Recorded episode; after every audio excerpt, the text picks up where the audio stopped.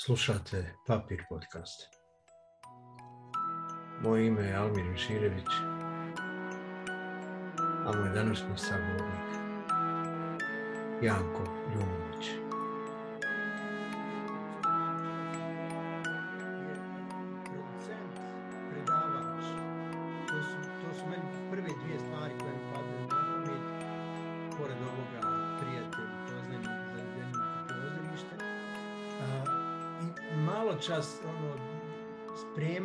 Se za, za ovaj razgovor, sjetim se naslova tvoje knjige o kojoj ćemo poslije razgovarati.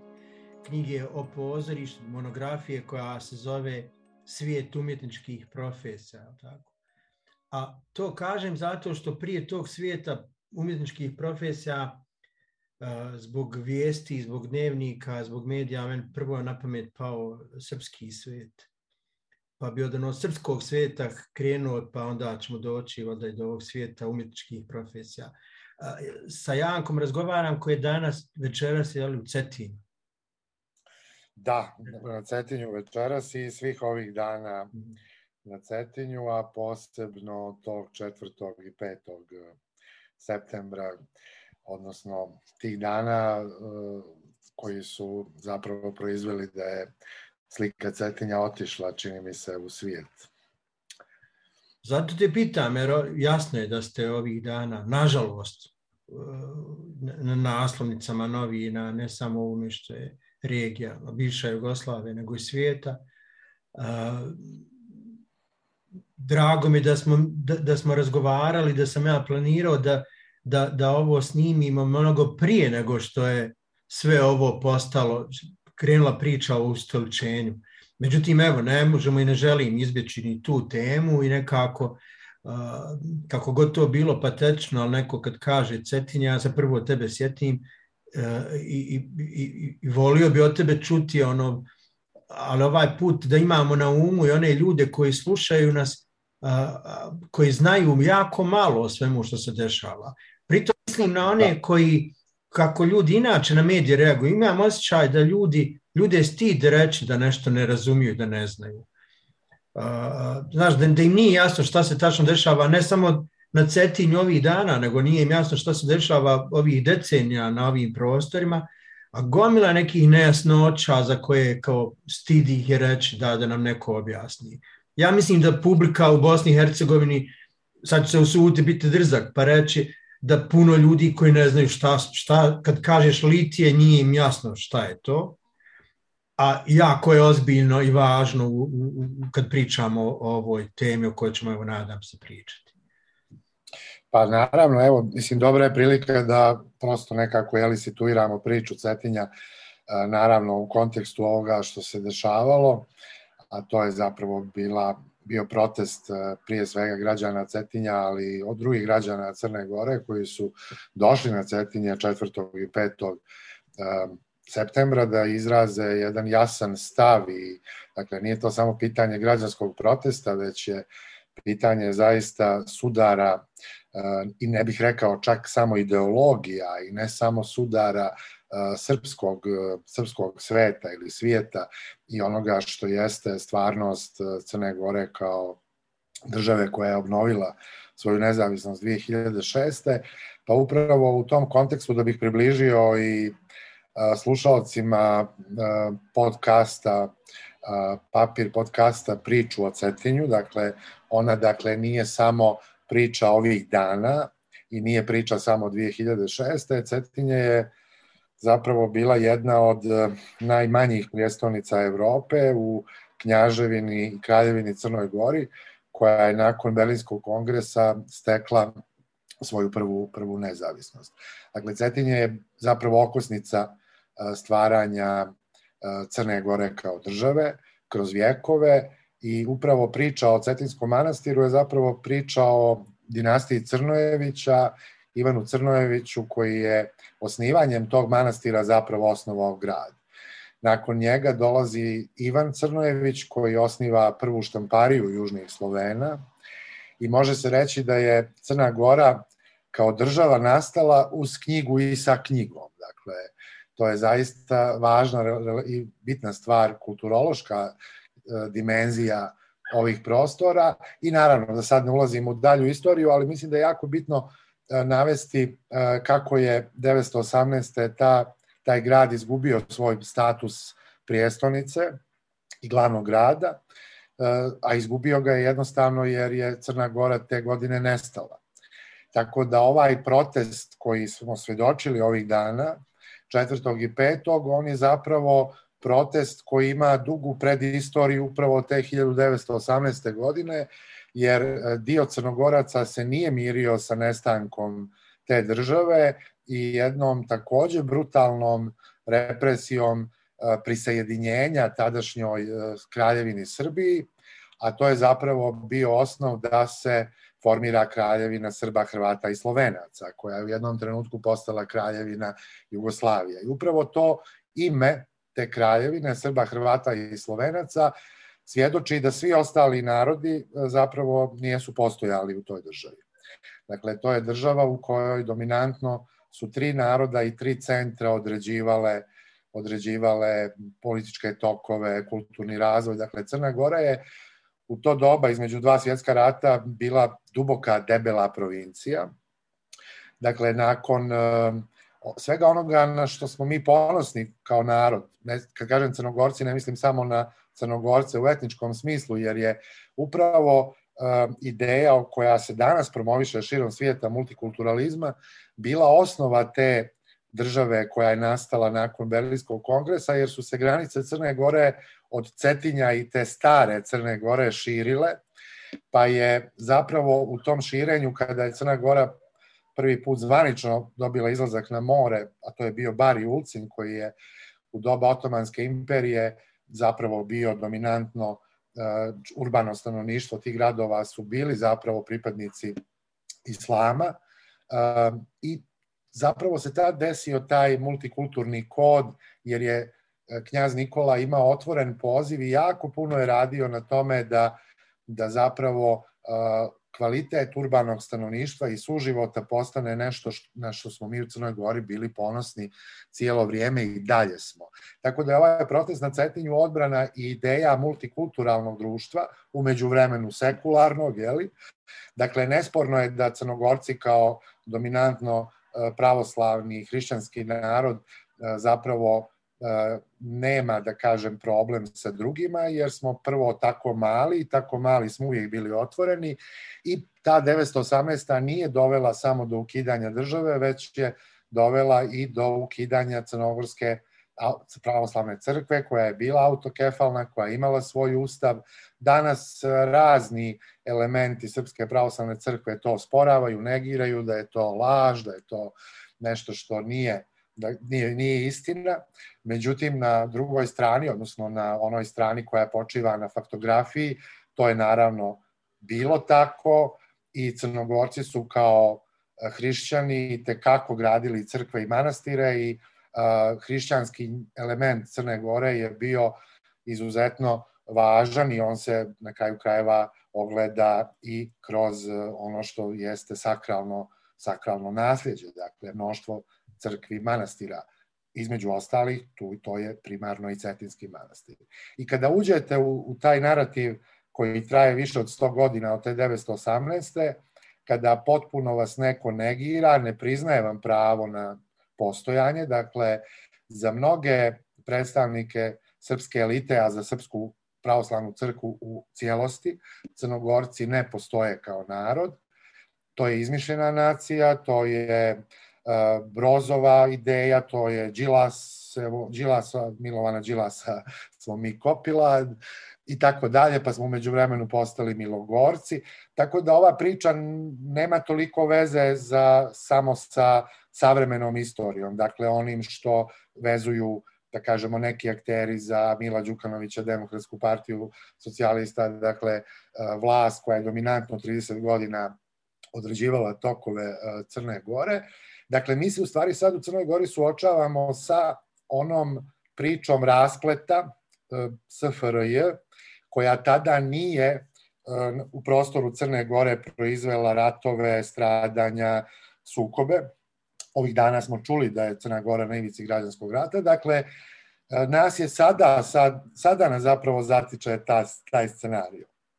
Tako da srpski svet nije ništa drugo nego priča velike Srbije i danas je recimo Aleksandar Vulin, visoki ali zvaničnik srpske politike, izjavio da je srpski svet odbrana Srba. Dakle, i dalje su i dalje postoji priča da su Srbi ugroženi, a mi u stvari svjedočimo na primjeru Cetinja 4. i 5. E, septembra da Srpska pravoslavna crkva dobija svu logistiku i to je zaista paradoksalno, da aktuelna vlada Crne Gore je apsolutni servis te crkve i da priča o vjerskim slobodama trenutno u Crnoj Gori nije priča sekularne države, jasne sekularne građanske države u kojoj je jedna crkva, jedan od konstituenata vjerskih da kažemo, zajednica, već se stvara atmosfera da je to državna crkva, da je to glavna crkva, da je to glavna vjerska zajednica i zapravo se potiru sve druge. Dakle, e, međutim, ispravit ću se, ne potiru se sve druge. E, Rimokatolička crkva, Kotorska biskupija, Barska nadbiskupija, nadbiskup, nadbiskupija, Islamska zajednica, dakle one sve apsolutno imaju svoje regulisane odnose i E, svoje jeli, vjernike, reprezente tih vjerskih zajednica i Crnogorska pravoslavna crkva imate situaciju da dio nove političke stvarnosti Crne Gore čak ne želi da izgovori ime Crnogorac ili Crnogorska pravoslavna crkva. Oni toliko ponižavaju, poništavaju taj identitet, tako da ta priča da se mi danas u 21. vijeku bavimo nekim bazičnim elementima identiteta i procesa konstituisanja naroda i nacija je zapravo jako jako problematična. Čuli smo da tih dana na Cetinju ovog vikenda su bili teroristi razni, jeli, ekstremisti, policija je takvu količinu suzavca isporučila na grad da i danas, danas kada šetate Njegoševom ulicom i Dvorskim trgom se osjeća jak, jak efekat te količine suzavca a zapravo dobar dio, odnosno ključni dio tog protesta su bili prije svega građani, građanke Cetinja, puno mladih ljudi, studenta, penzionera, dakle običnog svijeta. Tako da sve te manipulacije koje u Crnoj Gori zapravo toliko ekstremno idu u laž i postaju laž, se nameću kao jedan, da kažemo, alibi da bi se opravdala ta zaista brutalna akcija koja se desila. Pratio sam ovih dana razne regionalne medije i zaista je bilo zanimljivo vidjeti na Al Jazeera Balkan i na hrvatskoj televiziji e, te sam dvije gledao, nisam druge, da se ogradim. Prva vijest je bila Cetinje, druga vijest je bila Afganistan.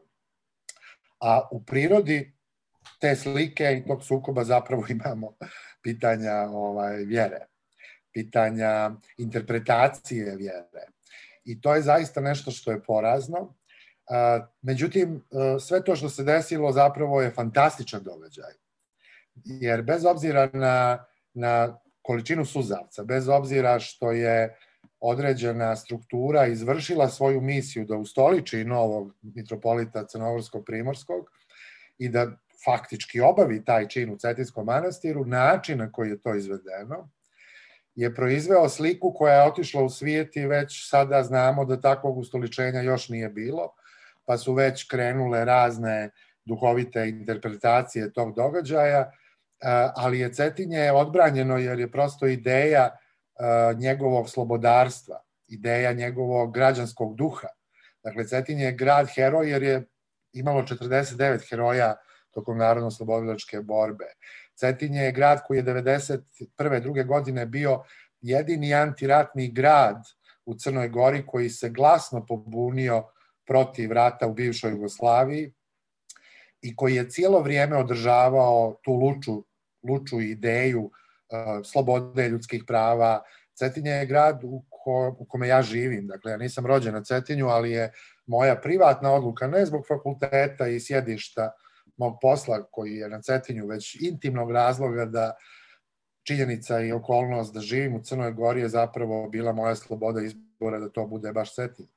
Cetinje je izuzetno mali grad, kao što je nekad u prošlosti bila najmanja prijestolnica Evrope i mnogi putopisci su je opisivali, govorili i pro, pronosili zapravo ideju Crne Gore baš kroz Cetinje. Dakle, Crne Gore nema bez Cetinja.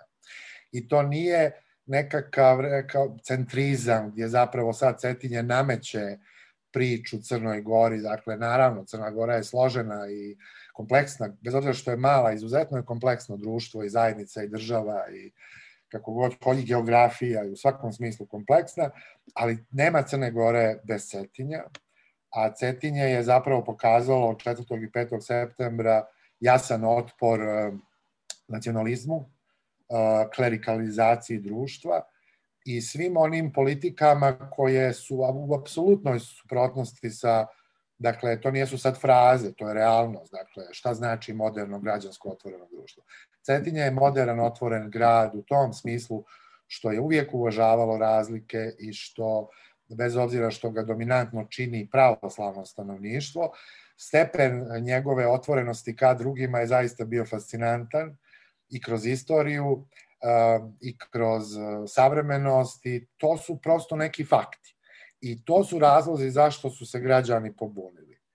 Priče, ko je bio na tom protestu, da li je to bio Milo Đukanović ili DPS koji je 90. godina bio protiv tih demonstranata koji su antiratne demonstracije imali 91. i druge, ali to zapravo svjedoči da u politici, u, u zajednici u samoj individui postoji prostor za promjenu, za razvoj, za emancipaciju i za iskreno priznanje onoga što zapravo je nekakav moj loš učinak ili moja loša ideja ili pripadnost nekoj politici. Dakle, u Crnoj Gori se desila ta tranzicija od 90-ih. Dakle, Crna Gora je dakle, se iščupala iz Kanđi Miloševića 97. i 8. kada je zapravo um, dio, dobar dio njene javnosti odlučio da ne slijedi više tu politiku i ta odluka je dovela zajedno sa svim manjinskim narodima u Crnoj Gori da se izglasa na referendumu nezavisnost Crne Gore, a sada Srbija koja ima problem sa tom nezavisnošću, dakle, srpska politika dominantno, a Srpska pravoslavna crkva apsolutno, ne može da se pomiri sa tom idejom. I ona je sada dobila priliku da e, konstituisana nova prosrpska vlast uz vrlo zanimljivu asistenciju jedne male partije, ali ispada vrlo značajne jer funkcioniše i participira u toj vlasti, a to je e, građanski pokret Tura i Drita Nabazović zapravo daje legitimitet e, takvoj prosrpskoj klerikal, klerika, klerikalnoj vlasti. Neko Ako mogu, evo, to sam, to sam te htio pitati, izvini. Uh, ne, nezahvalno je predviđati, ali ne, on, nemoguće se oteti toj potrebi da uh, pokušamo razmišljati šta će sutra biti, u kom pravcu sve to ide. Mene raduje da si ti, bar imam utisak, jel, da, da, da nisi toliki pesimista, da, da, da, da vjeruješ da će to ići u dobrom pravcu, ali eto, to što te želim pitati, šta god to bio, šta god bio taj dobar pravac, to ćeš ti sad reći, kako zamišljaš, šta treba da, da, da se desi.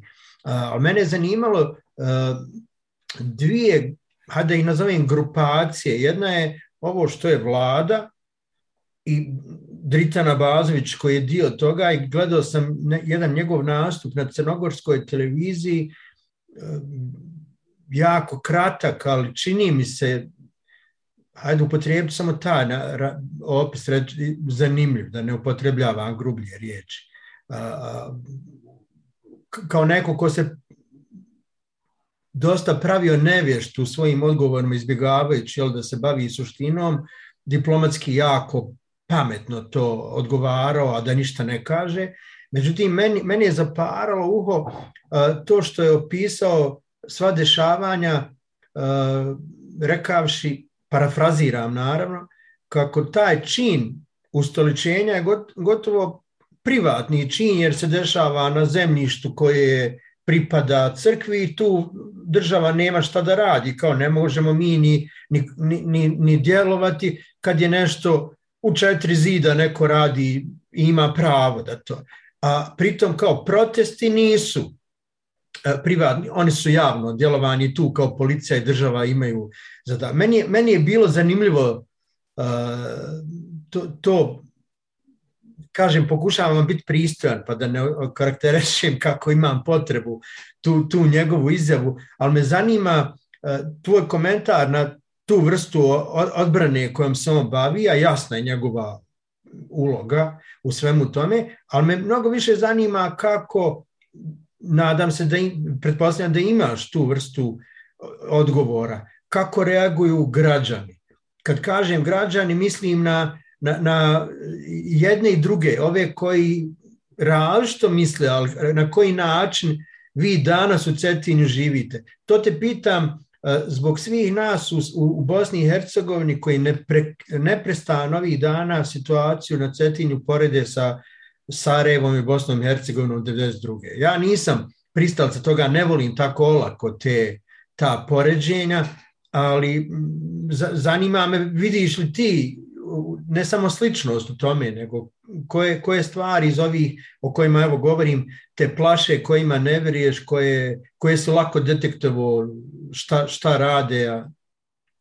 Pa evo, mislim, odgovor je opet da kažem, ajde da kažem, on predstavlja sad moj, moj, moj stav, jeli, dakle, situacija nimalo nije jednostavna i opravdani su strahovi uh, u odnosu na podijeljenost društva. Dakle, ta podijeljenost društva je opet uh, nije od juče, dakle, to nije podijeljenost koja se desila izborom nove vlade i uh, svega onoga što se dešavalo proteklog vikenda na Cetinju. Ta podijeljenost, dakle, traje od 918. Dakle, u Crnoj Gori je dio uh, naroda prihvatio bezuslovno ujedinjenje sa kraljevinom Srbijom, protjerao kralja Nikolu, dinastiju Petrović-Njegoš i zapravo lišio sebe svih onih vrijednosti na kojima se Crna Gora stvarala. A drugi dio te zajednice je ustao protiv toga i 918.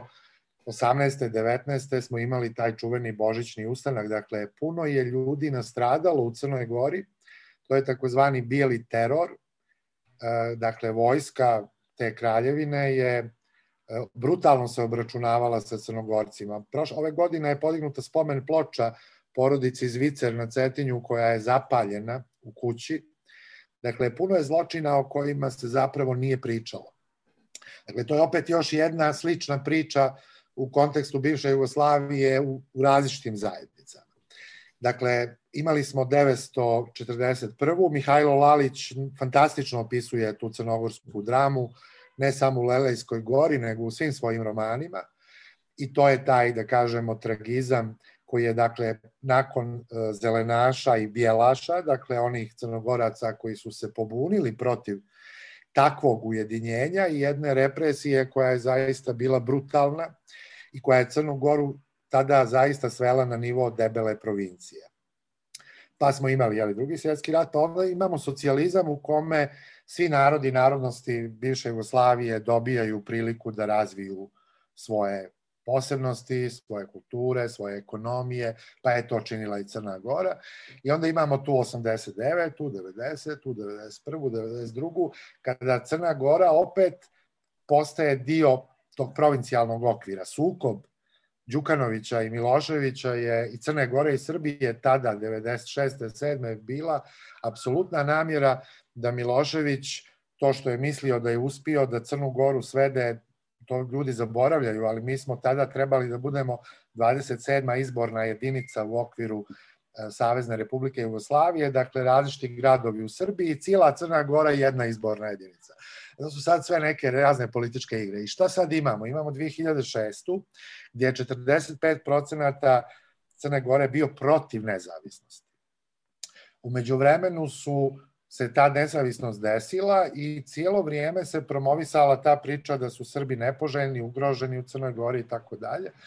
A zapravo svjedočimo da je Crna Gora cijelo ovo vrijeme najotvorenije društvo i ona je to kroz istoriju bila.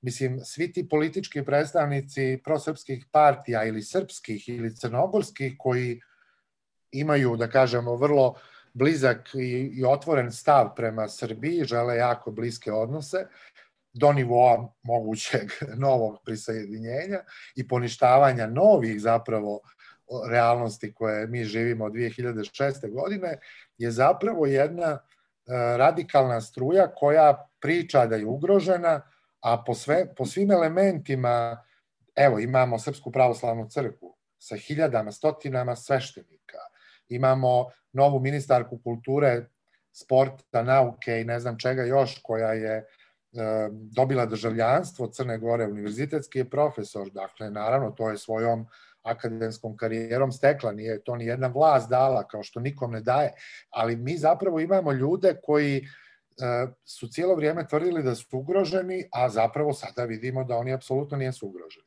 Tako da je ovo, ovo mi sve liči kao na neka, neko, neka osveta, sad ćemo mi vama crnogorcima i ostalima da pokažemo kako ste vi nas terorisali.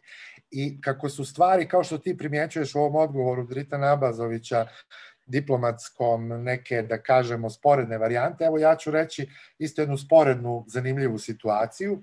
Prije, prije ovih događaja protesta na Cetinju, 4. i 5.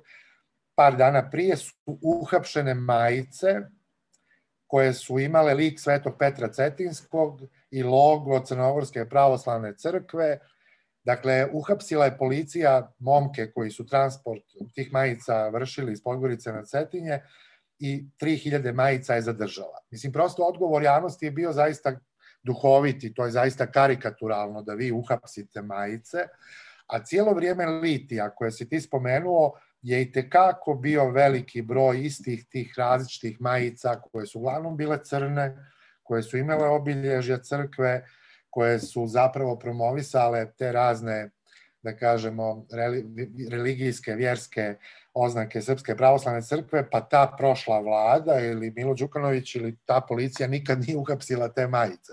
Dakle, ti ljudi su slobodno protestovali, desili su se izbori, ta opcija je pobjedila i umjesto da se stvara ideja dijaloga, umjesto da se zaista razvija Crna Gora kao jedno političko, otvoreno, građansko, sekularna država, ona se sada gradi na potpuno suprotnim osnovama. Tako da je svaka argumentacija Dritana Abazovića toliko karikaturalna i toliko neubjedljiva, ona je samo alibi da zapravo e, se e, takvim pričama kao što jeste činjenica da vjerska zajednica bilo koja ima pravo da autonomno vrši svoje obrede.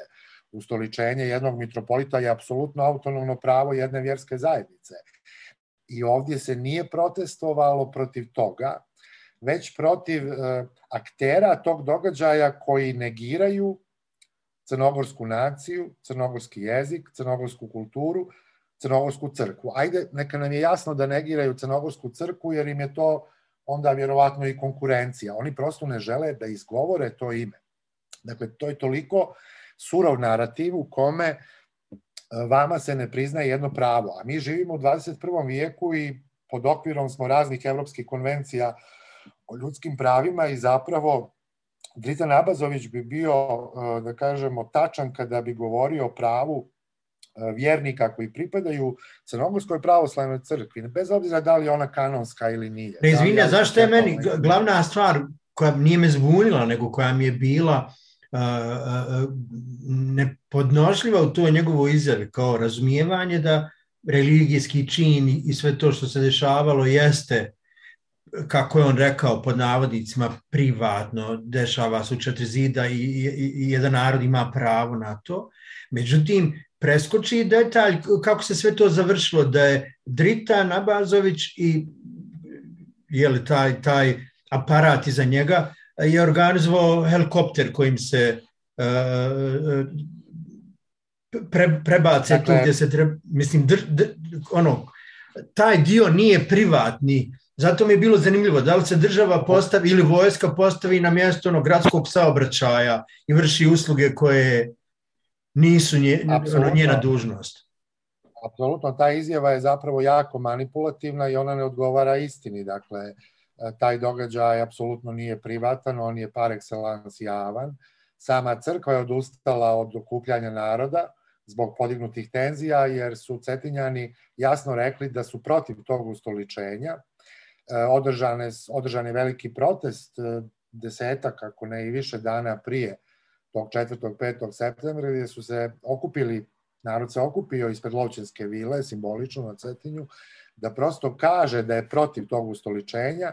Skupština prijestolnica je Cetinja, znači Cetinje kao grad je donio rezoluciju i pozvao, dakle političku rezoluciju u kome je rekao da takvo ustoličenje zbog okolnosti negiranja crnogorskog identiteta, jezika, dakle, dakle prosto iz svih ovih dana mi dalje uh, slušamo izjave o pomirenju, o ljubavi, o bratstvu, o hrišćanstvu, ali ni, znači svi se drugi spomenu, ali riječ Crnogorac se ne spominje. Dakle, to je prosto, mislim, Almire, ti dobro znaš da je sve u jeziku i koliko je jezik važan, tako da sve te analize izvan političkih strasti, emocija, dakle onoga što zapravo tiče jednu zajednicu i kako jedna zajednica zapravo funkcioniše, sve se u tom jeziku zapravo otkrije, tako da je to opet pitanje da kažemo jedne asimilatorske politike i politike koja apsolutno negira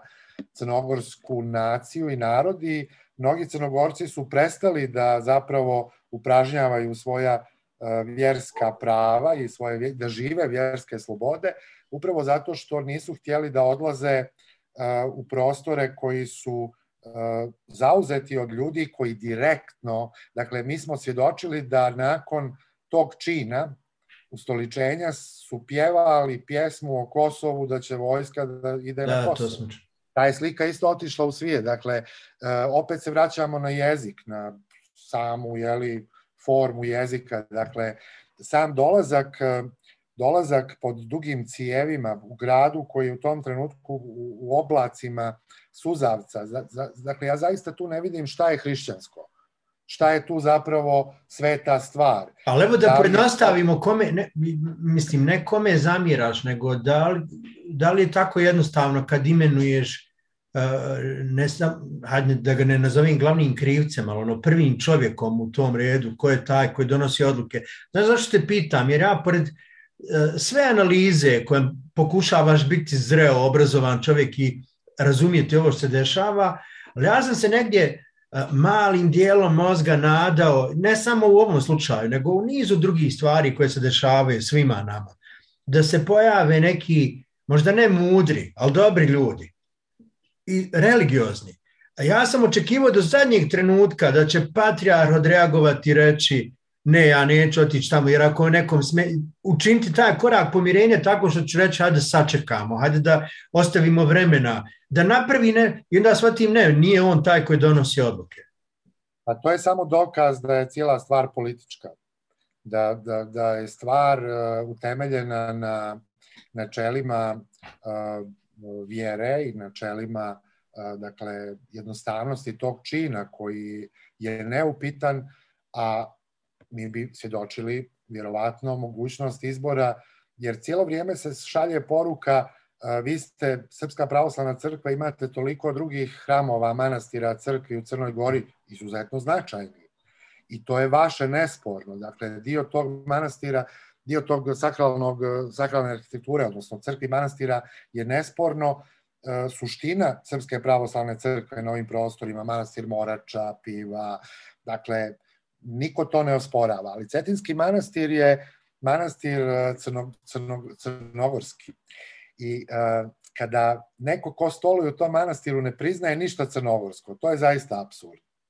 Jer Cetinski manastir je prosto uh, uh, pojam, odnosno dio identiteta, dio kulture sjećanja, dio memorije, dio uh, nekog, da kažemo, u njemu su stolovali svi oni koji su stvarali Crnu Goru, koji su bili uh, duhovnici, bili su mitropoliti, bili su i vladari.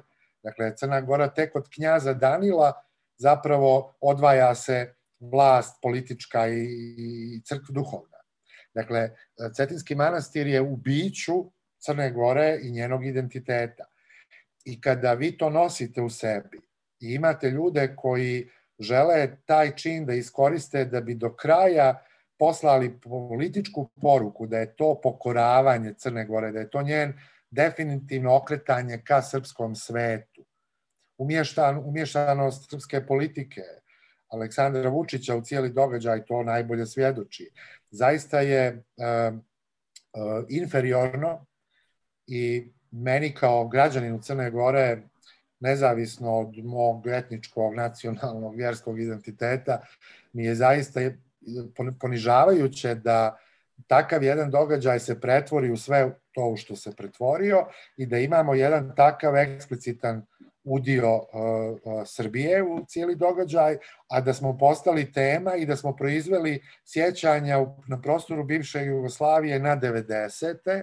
i da sada se svi bave Crnom Gorom u kontekstu sobstvenog iskustva i da zapravo uh, rating patrijarha srpskog uh, Porfirija u Hrvatskoj svjedočimo naglo pada. Dakle, sve ono što je on uspio i pokazao da se može, da, da je dijalog bitan, da je pomirenje bitno, da postoji važnost ekumenizma. Dakle, on je sve to zapravo tamo primjenjivao i on nema problem da kaže narod Hrvatske, Hrvati, nema problem da kaže Slovenci, ali ima problem da kaže Crnogorci. Dakle, to je zaista uh, događaj i onda se sve to pakuje u priču uh, ljubavi, a ta ljubav vidjeli smo kako ima manifestaciju. Jasno je da država ima moć i da država treba da štiti javni red i mir i zakone. Jasno je da svaka opozicija i svaki protest je protiv neke vlasti. Pa mislim, ni policija u Francuskoj ne štedi demonstrante na ulicama Pariza ali priroda tih demonstracija u Francuskoj nije priroda ovih demonstracija u Crnoj Gori. Dakle, vi ovde imate protesti demonstracije protiv da, ne iracionalnog, nego suštinskog uh, osjećanja čovjeka i njegove slobode. Dakle, ovdje je u pitanju, evo, i da se vratim na onaj do, dobar dio tvog pitanja da govorimo i o drugoj strani, jer mi htjeli, ne htjeli, mi ovdje imamo dvije strane. Ja kada pričam sa ljudima koji su takozvana ili, ili jasna druga strana, ja sve ovo što sad, s tobom razgovaram, ja razgovaram i sa njima. Ali teško mi uspjeva da do kraja taj razgovor e, zapravo teče. Ne, to sam da te htio pitati, kako izgleda taj razgovor, pogotovo, recimo, evo, radimo poslove, radimo u teatru, jedan i drugi, i, i često smo u komunikaciji sa, sa prijateljima, moram naglasiti, sa prijateljima iz Srbije kako izgledaju razgovori sa ljudima sa kojima uh, se ne slažeš, koliko su spremni na razgovor. Ja moram reći svoje iskustvo, ne iz rata Bosne i Hercegovine, nego evo i sada ovome. Ja jedino gdje sam pesimista, što posve sam siguran da nije bilo ustolčenja, pro, pojavio bi se neki drugi problem, desilo bi se nešto drugo. U Bosni i Her u Sarajevo je bilo dovoljno, svatovi su bili dovoljan razlog pa da, da, da, da krene nešto što ni, nismo željeli da krene. A, ka, kako u razgovoru ono, objasniš i sebi i njima, a, ja napola u šali, ali zaista ne znam kako drugačije objasniti jer ne, ne bježim od svog stava i ne mogu da prečutim evo ovih par dana i na društvenim mrežama i u razgovoru s ljudima nekako stid me samog sebe da, da ne pokažem jasno šta mislim pa čak i ako neko, ono, da, da kažem i tu riječ, na kojoj sam strani.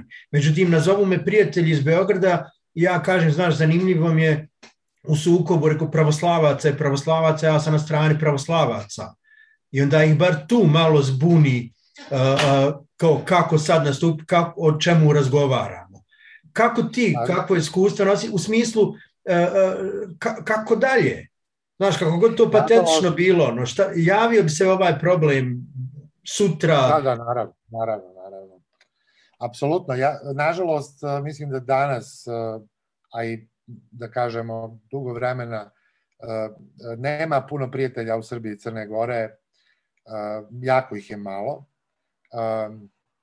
I svi ti prijatelji koji uvažavaju, dakle, mi sada moramo da razmišljamo o ljudima koji na moj iskaz da sam ja crnogorac, ne, ne, ne, ne, nemaju pravo da kažu ali pa da li si ti možda i srbin crnogorac, znači prosto ta neka šizoidna srpsko-crnogorsko identitetska ravan gdje u samoj Crnoj Gori imate u istoj porodici jedan brat je Srbin, drugi je Crnogorac, jedan će biti na barikadama na Cetinju, drugi će recimo biti u Podgorici ispred hrama. Dakle, to je realnost. To je prosto realnost koja opet ima svoje korijene od te traume. Dakle, mi, mi zapravo cijelo vrijeme govorimo o toj traumi zvanoj 918. Dakle, crnogorstvo je nesporan element i ono ima svoje istorijsko trajanje i svoje artefakte i svoju, da kažemo, istoriju, svoju tradiciju. I postoje ljudi koji ponosno to definišu. Postoje ljudi koji smatraju da su Srbi i ja uopšte ne vidim u tome problem. Problem nastaje kada neko iz osjećaja identiteta srpskog ili srbina poništava moj identitet. Dakle, ja nikada neću izgovoriti nekome ko se izjašnjava bilo kako, a sad dominantno pričamo u kontekstu srpsko-crnogorske zbilja i stvarnosti, nikada neću osporiti e, pravo nekom e, Srbinu iz Crne Gore, odakle god on dolazio i od, od, od kad i bilo od kad je on Srbin. Dakle, postoje dijelovi Crne Gore koji nijesu bili dio, da kažemo, tog narativa istorijskog cetinja stare Crne Gore. Boka Kotorska, sjeverni dio Crne Gore. Dakle, sigurno da, da postoji taj osjećaj srpskog identiteta nekog u Pljevljima ili u Kotoru ili u Tivtu koji je prosto živio taj srpski identitet. Dakle, Srbi su, kao što su i Albanci u Crnoj Gori, i Bošnjaci, i Hrvati, autohton narod. Dakle, ja, bilo bi potpuno suludo da ja nekom Hrvatu iz Boke Kotorske kažem da on nije Hrvat ili nekom Srbinu da on nije Srbin. Ali ovdje problem nastaje kada mi zapravo svjedočimo da će vama neko osporiti vaš identitet, to je moj identitet. I uh, ljudi misle da je to šala.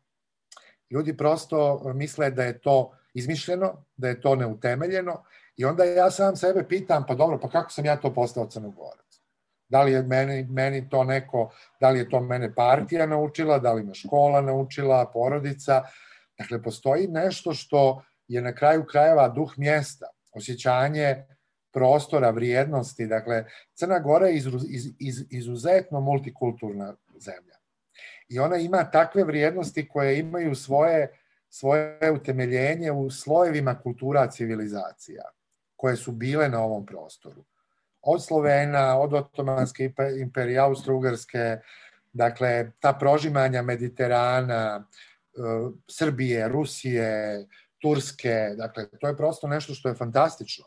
Imate jedan, pa, pa koja je to država u savremenosti nastajala, nastajala i obnovljena je podrškom svih manjinskih naroda, kao što je slučaj Crne Gore. Evo, uzmite samo taj politički albanski kontekst u kontekstu bivše Jugoslavije i šireg političkog pitanja. Pa Albanci su, Albanci u Crnoj Gori apsolutno imaju patriotski odnos prema državi Crnoj Gori. Bošnjaci to imaju. Čuveno je prijateljstvo kralja Nikole i, i otomanskog sultana, dakle, prosto čovjek je dobio dvorac u Istanbulu. Dakle, e, onda ta okretanja Rusija, Austrija, Francuska, Zapad, Istok.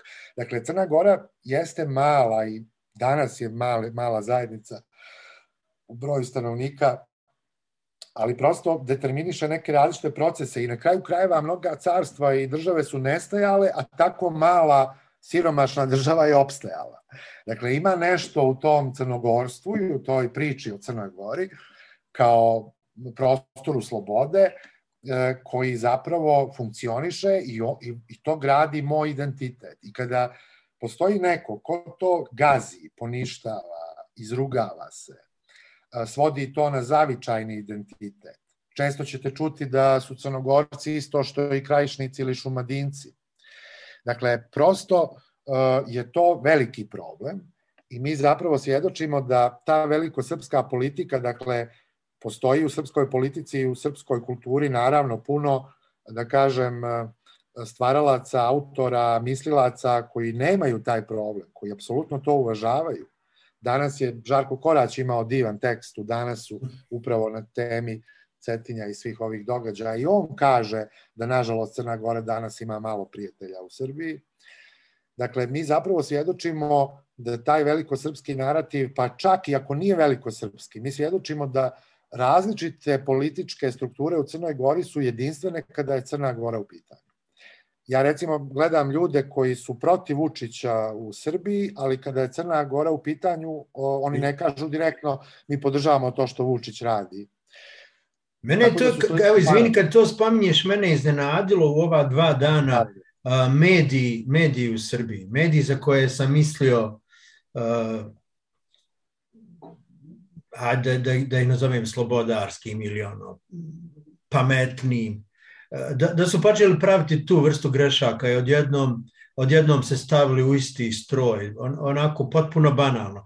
Gledao sam nastup baš e, Žarka Korača i recimo jedna stvar zanimljiva koju sam te htio pitati, on je spomenuo onako ovlaš, kako Srbija ima taj problem e, da se proteklih decenija, ako, da, da ne govorimo sad tačnu vremensku odrednicu, bavi više uh, drugim zemljama, ono, susjedima, komšijama, nego sama sobom. Kako ti kao producent gledaš na tu vrstu problema? Ono, šta, šta zde, pa jer evo ove primjere koje se govorio, znam kako je gradonačelnik Banja Luke davo takve izjave uh, o Crnogorcima, Dodik je bio ljut na Korača, međutim, s druge strane, drago mi da postoje i ljudi poput Žarka Korača i Nenada Čanka koji bez, bez lake na jeziku uh, kažu ono što misle i, i, i onako lijepo, jednostavno objasne šta se to dešava na Cetinju i Crnoj Gori. U čemu ti prepoznaješ to razlog, taj Srbije da se bavi uh, drugim zemljama i drugim problemima, a ne, ne rješava to što je na pragu im? Pa mislim da je to da je to e, trauma srpske politike i njene prosto veliko srpske dimenzije, odnosno eks, ekspresionizma koji je koji prosto ne, ne može da funkcioniše bez tog potrebe da dominira u regionu. Dakle, e, to su isto bile zanimljive neke teze kako se Srbija u 19. vijeku okrenula svom jugu i Kosovu koje geografski nije egzistiralo, već samo kroz mi tepsku poeziju, jer je prosto imala pretenziju ka zapadu. Pa kad se desila aneksija Bosne i Hercegovine od strane Austrije, Austro-Ugrske, onda se Srbija okreće ka, e, okreće se ka jugu, okreće se ka Kosovu, ka Makedoniji, ka Crnoj Gori, dakle. To su prosto određeni procesi koji e, funkcionišu opet pod tom firmom da su navodno Srbi ugroženi. A, mislim da je, a prosto se u toj, u, toj, u toj politici se onda ne postavlja pitanje da li, ko, ko je još ugrožen.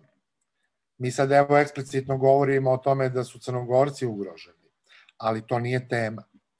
Dakle, ta tema se ne, naravno ne postavlja, već se i dalje postavlja ta teza da je, jer pazi, e, e, cijela ta priča o ugroženosti Srba u Crnoj Gori i Litija koje su bile, one su zapravo bile vrlo uspješan, pa reći ću čak i diplomatski manevar, jer je Evropi poslata poruka da se da vlast u Crnoj Gori ugrožava hrišćane.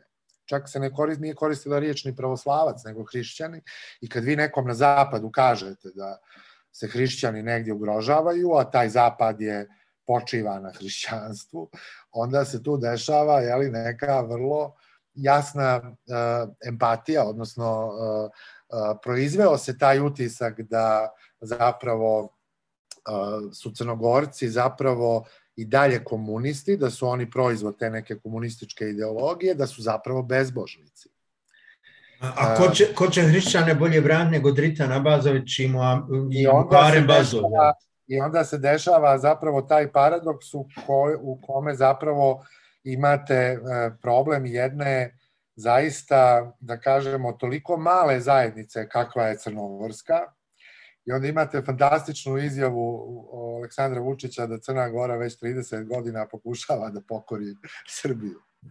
dakle, ali to je sad sve na nivou dramaturgije koja je naravno toliko manipulativna i suluda i toliko je politika banalna koju mi živimo na ovim prostorima, da je ona ne samo postala reality, nego ta količina nevjerovatnih, ne samo laži, nego konstrukata koji su totalno nevjerovatni, koji, koji su u nekoj prošlosti vjerovatno mogli samo da stanuju u dramama ili u, ili u nekim umjetničkim formama, one danas postaju zapravo lakoća iskaza, hiperprodukcija tih iskaza, neobaveznost da vi to provjerite jer ćete za pet minuta reći novu laž, novu manipulativnu situaciju, prosto bacanje koski, koski narodu, jeli, je takva da zapravo ste vi taj narod toliko slu, sludili i taj narod u tim podjelama, da se opet vratim i na ovu crnogorsku zbilju, zapravo funkcioniše, nažalost, u tim podjelama. Dakle, jedni će promovisati ugroženosti, ideju slobode, kao što smo mi to radili na Cetinju, a drugi će da veličaju i da zapravo uh, mrze uh, sve to i da zapravo sprovode neke svoje druge rituale. I onda da se vratim na one majice, znači imali smo zapravo priču majica koje nisu hapšene, imamo priču majica koje su hapšene i zapravo imamo jednu represiju države, a Drita Nabazović je najodgovorniji za tu represiju, jer on je koordinator svih službi koje treba da brinu o tome, zapravo svjedočimo jednu, da kažem, agresiju koja se ispoljava ka crnogorcima, ali tu nijesu samo crnogorci. E, prosto ideja crnogorske slobode i crnogorstva apsolutno anticipira unutar sebe i druge narode i zato ovo nije samo crkveno-religijsko pitanje. Jasno. Sama okolnost da, je, da su na Cetinju bili različiti narodi i nacije su zapravo ideja odbrane te multikulturne građanske Crne Gore. A izvini to, to da te pitam odmah, kako, kako, kako zamišljaš odgovor na sve ovo što se dešavalo? Prvo imaš li podatak, ja sam nešto iz medija vidio, uh, čuo o ljudima, par koji znam, koji su prevedeni uh, ono, na 72 sata, o, o nekolicini povrijeđeni, ali kako vidiš uh, ne samo šta će se dešavati, nego ko je pozvan, ko treba da, da, da, re, da reaguje? Od koga ti očekuje? Sad govorimo o ljudima koji su ono, koji su ti bliski ideja, ideja. Uh, pa, mislim da, na, da je na dijelu zaista, uh, znači, na, uh, prosto ovi svi događaji koji su kulminaciju svoju imali upravo ovih događajima na Cetinju, a zapravo to je stvarnost nakon prošlogodišnjih prošlih izbora, dakle nakon 30. augusta zapravo Crna Gora je ušla u vrlo turbulentan period, gdje sama vlast, to je samo jedan poslanik koji određuje više tu vlast, Dakle, prethodna vlast je naravno imala puno grešaka, bavila se nekim temama koje je ili potiskivala ili pogrešno radila, pitanje korupcije, pitanje nepotizma. Dakle, prosto ta kalkulacija da se u vlast koristi da bi se dio nekog kolača uzeo, a ne radilo na razvoju društva je prosto naš dodatni problem. Tako da ne možemo mi toliko biti različiti, toliko dobri ili toliko loši. Mislim da smo mi svi i dobri i loši, ali da konstantno biramo najlošije i da proizvodimo zapravo neke slabe rezultate, nemamo kriterijume, nemamo standarde i e, mislim da ova situacija ni malo ne ide u prilog tome, a puna usta su demagoška upravo e, tog narativa, a mi svjedočimo iz dana u dan da zapravo E, to ne da nije istina. I upravo je ovaj događaj još dodatno ljude nekako amortizovao, pokrenuo, mobilisao. Mislim da su ovi događaji više uradili za ideju crnogorstva. Mislim da je ustoličenje Joannikija više uticalo da, da pokrene ideju Crne Gore kao uh, sekularne građanske države, nego što su oni naumili da Crnu Goru pretvore u teokratsko i klerikalno društvo. Jer to je toliko očigledna njihova e, namjera.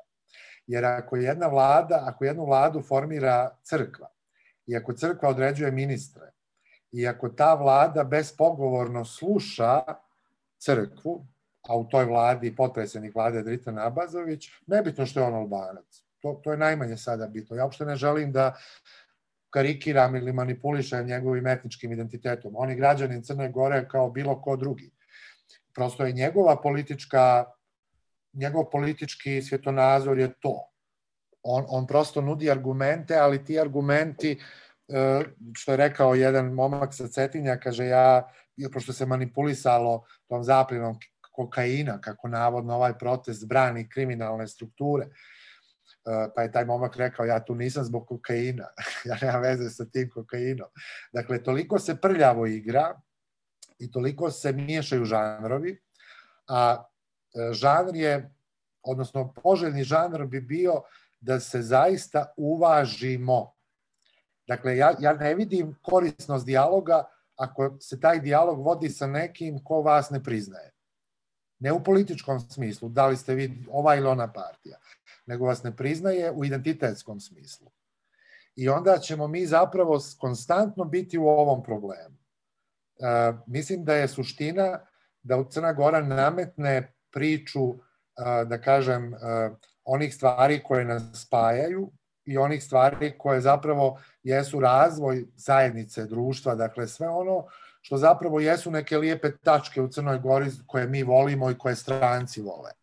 Dakle, mi smo u Crnoj Gori nešto kroz istoriju napravili, zašto nas neko voli, zašto neko želi da dođe. To je i sam ovaj grad Cetinje. To su razne druga mjesta u Crnoj Gori. Bilo savremena, bilo istorijska. Dakle, mi smo zajedno živjeli i funkcionisali. I kako to da nismo do sada došli u opasnost građanskog rata, nego tek sad? A dolazimo u tu opasnost zato što vas neko grubo gazi i negira vaš identitet. E, to je samo bila ušuškanost da je i taj e, srpski element, dakle, crnogorski identitet neupitno ima i taj, da kažemo, srpski kulturni obrazac, ta bliskost jezička, vjerska i tako dalje, ali je ona toliko zapravo isto bila prostor manipulacije, tako da svaki argument, svaka faktografija koja počiva na vrijednostima Crno, Crne Gore i Crnogorstva se briše, negira i ruši. Odnosno, ovi događaji svjedoče da su ti ljudi spremni da pucaju u vas. Mene je strah samo koliko, koliko smo mi onda daleko od svijeta, neću hvaliti ostatak svijeta, nisu ni oni u savršenim okolnostima sa savršenim vladama, ali evo kod nas pokušaj i organizacije LGBT zajednica parada po, ponosa se organizuje i onda kad se desi ovakve stvari ona, imam osjećaj da svi skupa ispadnemo budale znaš kao ka, kako se baviti tom vrstom identiteta kad ne možemo ove osnovne stvari da se dogovorimo. Ono, neko vas ne priznaje kao čovjeka, a ne da li vas priznaje uh, po seksualnoj orijentaciji, da ne govorim nečem drugom. Uh, užasno mi je zato što je ovo toliko slično u svim sredinama. Iste probleme čini mi se već decenijama more i Hrvatsku i Bosnu i Hercegovinu, Crnu Goru i mi jedni, ono, a nemamo empatije, nažalost, čini mi se da je to problem, mi nemamo empatije jedni prema drugima. Znaš, kad, kad se nama dešava, to je kraj svijeta. Apsolutno i mislimo da smo jedine žrtve u tom trenutku i da ne postoji iskustvo slično drug, drugima. Mislim, naravno da postoji. I mislim da je ovdje upravo dobro što se u kontekstu ovih događaja govori u široj slici e, stvarnosti i važno je praviti razne komparacije, istorijske i savremene i prosto animirati javnost. Meni je zanimljivo u svemu ovome da e, se regionalna, čini mi se polako i evropska javnost zapravo interesuje i zainteresovana je da razumije ta pitanja ovog puta na možda kvalitetniji i bolji način i upravo je odgovornost na svima nama da doprinesemo tome. Ne da bi atakovali drugu stranu, nego da bi prosto E, proizveli situaciju da te različite strane i opcije shvate da ne mogu tako da se ponašaju. A to je meni palo na kad si rekao termin o Srbima koji su ugroženi. Meni je užas jer imam ono godinama taj ne osjećaj, nego je jasno da, da, da, da o ugroženosti svi govorimo.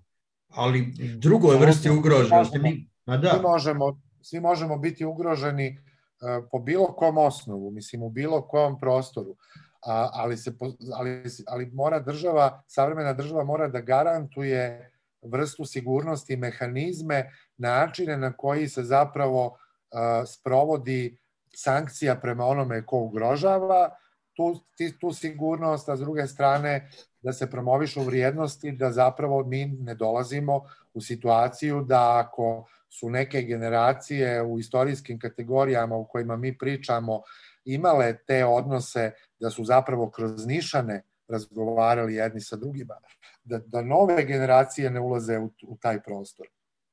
Mislim, ta priča o Evropi savremenoj, ja zaista volim i kada pričam sa studentima i različitim drugim, da kažemo, povodima, ja zaista vjerujem u tu Evropu koja je svoje e, strahove i svoje svoje opozite i svoje ratove pacifikovala i dovela prostor i stvorila prostor mira. Dakle, mislim, ne postoji evropski dio prostora koji nije bio izložen tim etničkim ili međunacionalnim ratovima, ubijanjima, ali prosto mi sad svjedočimo da, da to više nijesu teme, da te naše razlike i različitosti nijesu povodi da bi zapravo započinjali nove ratove. Na ovim prostorima mi dalje o tome govorimo.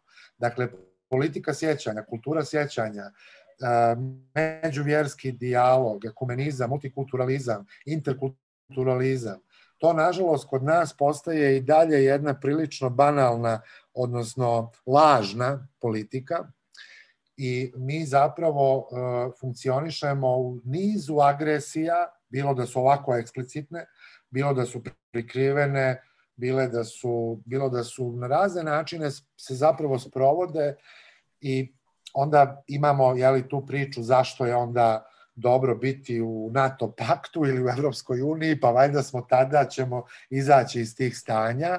I ja zaista nekako vjerujem i to neki ljudi ovih dana govore da Crna Gora nije članica NATO pakta, već da možda bi ovih dana svjedočili e, drugačije scenarije i da ne bi sve ovo bilo tako naivno, odnosno tako da kažem e, spakovano da je zapravo policija štitila E, realizaciju jednog vjerskog čina, koji, kako Drita Nabazović kaže, čisto privatno pitanje, a ovamo neki građani koje oni nazivaju teroristima su zapravo građani koji imaju otpor prema, ne prema tom privatnom činu, već e, sve ono o čemu smo govorili. Dakle, ja se nadam da sam uspio da objasnim, dakle, ovo, pokušavam da ovo ne bude sad priča jedne strane.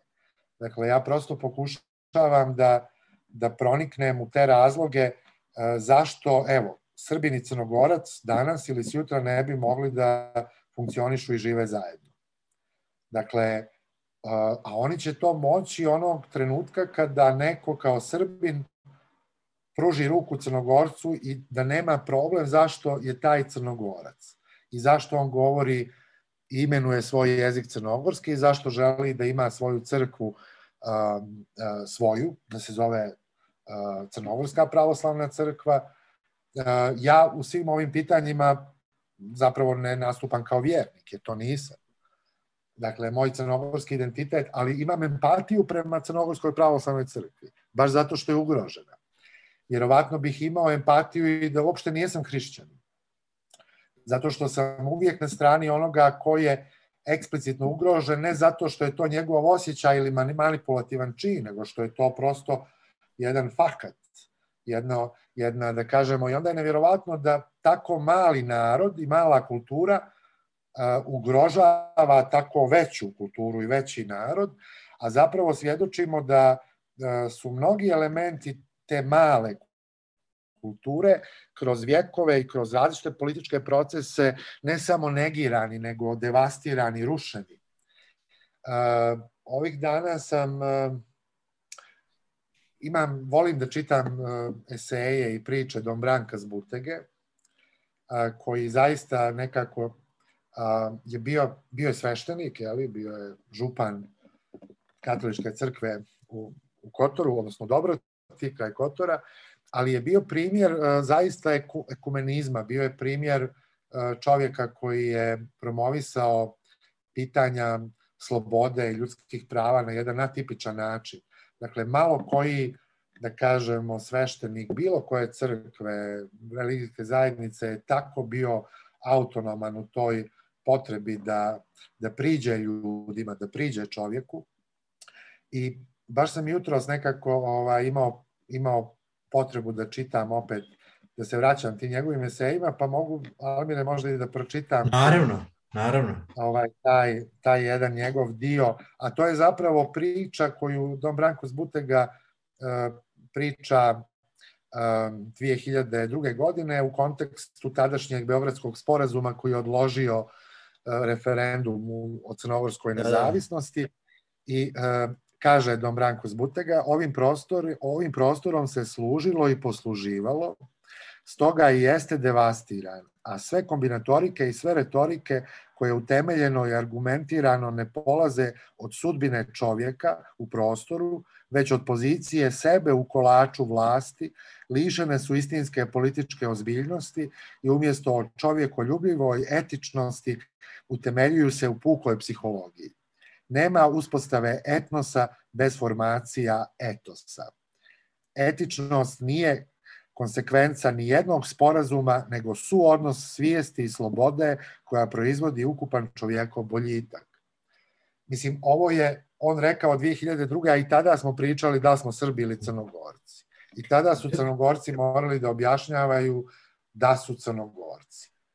I kada vi treba nekom da se izvinjavate ili da objašnjavate da to jeste, a taj vas gazi do kraja. Znači on prosto koju god vrstu argumenta mu vi date, umeđu vremenu je e, puno toga producirano na temi crnogorstva i tog identiteta koji je bio upravo potisnut, e, devastiran itd. itd. se puno radilo i puno toga se objavilo.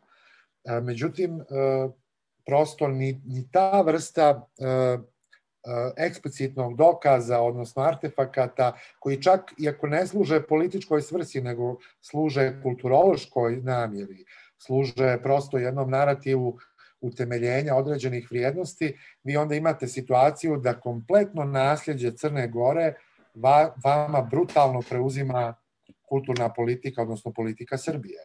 Pa su naše dinastije i naši vladari srpski, srpske dinastije. Tako da nekad se zapravo postavlja pitanje da ta mala Crna Gora koja je proizvela neke veličanstvene stvari i događaje u svojoj takvoj istoriji koja je bila vrlo surova i ovako siromašna zemlja da, da, da proizvede mnoge te stvari, e, prosto vam ni to malo što imate ne daju, nego prisvajaju tako brutalno i mi zapravo svjedočimo da dobar dio tog nasljeđa je u tim različitim istorijskim, političkim okolnostima bio brutalno prekrajan.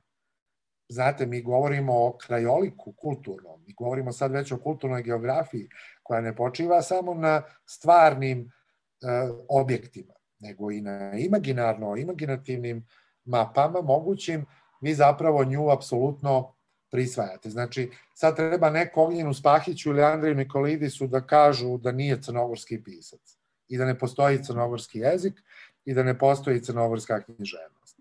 Ili Mirka Kovača da odvojite i da kažete, ok, Mirko Kovač je srpski, hrvatski i bosanski pisac, ali nije crnogorski jer crnogorska nacija ne postoji, ne postoji crnogorski jezik.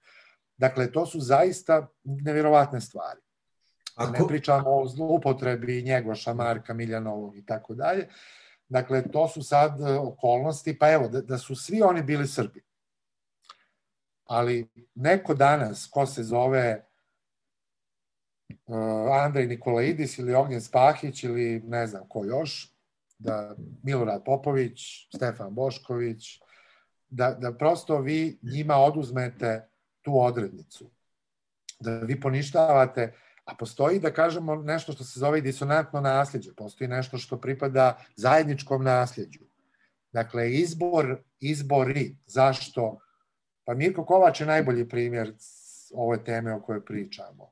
Dio života je pisao na ekavskom, na srpskom, dio života je pisao na hrvatskom, njegovi e, korijeni tragovi koji ga vode u Crnu Goru i Bosnu Hercegovinu, dakle cijeli taj jeli, narativ, dakle, ali to su intimna, na kraju intimna pitanja.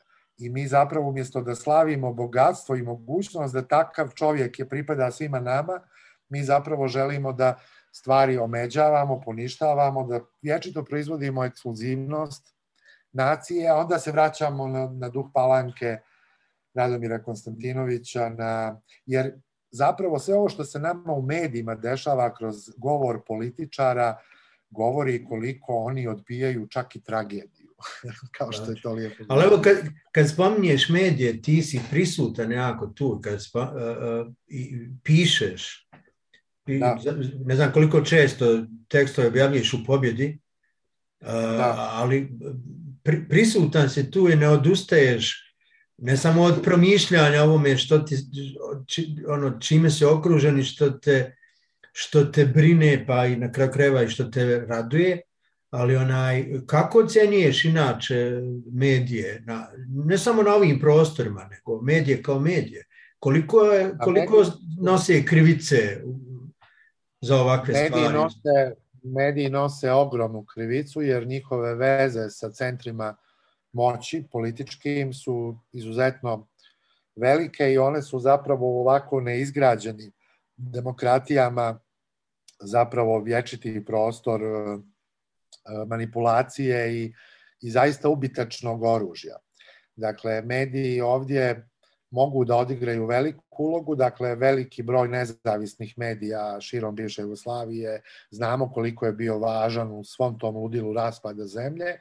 I evo sad u kontekstu Crne Gore vi zapravo imate situaciju da svi mediji koji su kritički namjereni, nastrojeni prema novoj vlasti, a zapravo su primjeri profesionalizma koji prosto pokušava da se kroz da se imenuju stvari na pravi način, da se postavljaju nezgodna pitanja. Mislim da su mediji uvijek tu da bi postavili nezgodna pitanja, a ne očekivana pitanja, ne ona unaprijed pripremljena pitanja. Mislim da mediji na ovim prostorima zapravo žive više u tim pripremljenim scenarijima i mi sad u Crnoj Gori imamo zaista paradoks nevjerovatan da vijesti koje su bile sinonim crnogorskih nezavisnih medija ili medija u kontekstu puta Crne Gore kao nezavisnoj državi su sada najgori provladin mediji. A oni su recimo u svojoj istoriji optuživali druge medije kako su provladini i imati, imati takvo iskustvo, a postati tako eksplicitno bilten nove vlade faktički. Tako da imate korelaciju objava vlade i nekog medija koja jasno govori o vezama.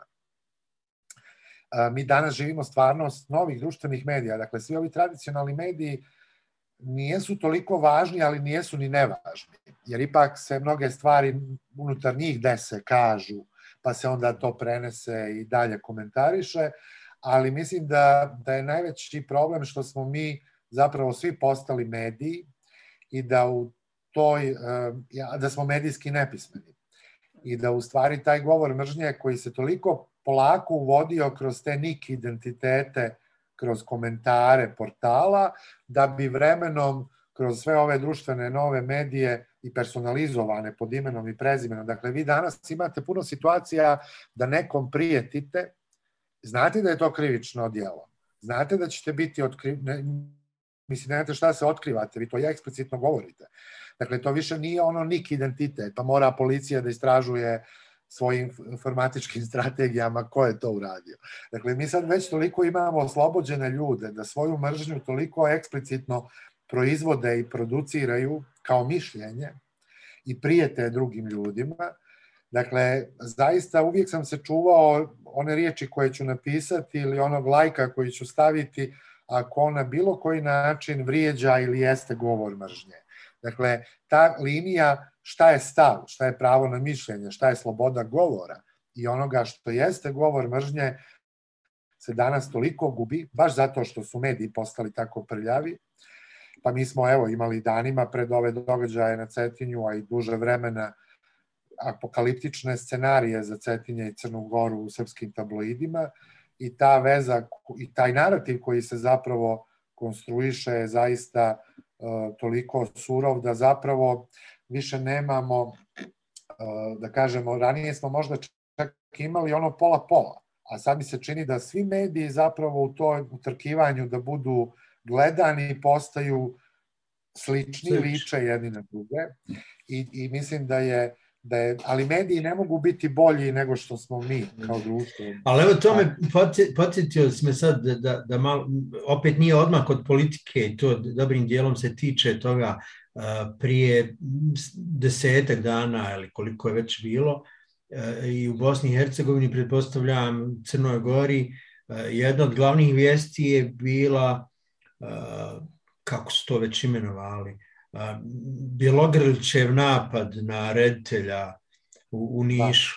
Da. I sad vidjeli smo taj snimak koji se pojavio gotovo par minuta nakon što se desio, pojavio se na društvenim mrežama, pa su ljudi u Srbiji to komentarisali sa pravom. Međutim, meni je zanimljivo bilo, gledao sam na nekim srpskim kanalima opet kažem, na nekim ovim koje, u koje sam imao iskreno povjerenja kao uh, profesionalne televizije i profesionalne medije, gledao sam gostovanja ljudi, profesora, uh, uspješnih umjetnika uh, koji su sa takvom lakoćom pričali o tome navijački, to, to me više zabrnulo od same, samog napada. Naime, govorili su pravdajući sve to. Ja ne, nije bilo pitanje stavljanja na jednu, na drugu stranu. Govorim ovo namjerno jer sad ono pravim paralelu možda nasilu sa ovim što se dešava u Cetinju, jer kao na Cetinju ne, ne, ne čudi kad se dešavaju ovako ozbiljne stvari, kad u ovim blesavim se mi podijelimo i čujemo neke mudre ljude kako pričaju budalaštine. Ja sam slušao profesora koji je pravdao tu tuču i govoreći pa to nije ništa, mislim, tuče se dešavaju svakodnevno u kafanama i šta, nije to neka nije to bio neki udarac. I onako odbranio sve to na šta ne bi nikako da smjeli pristajati.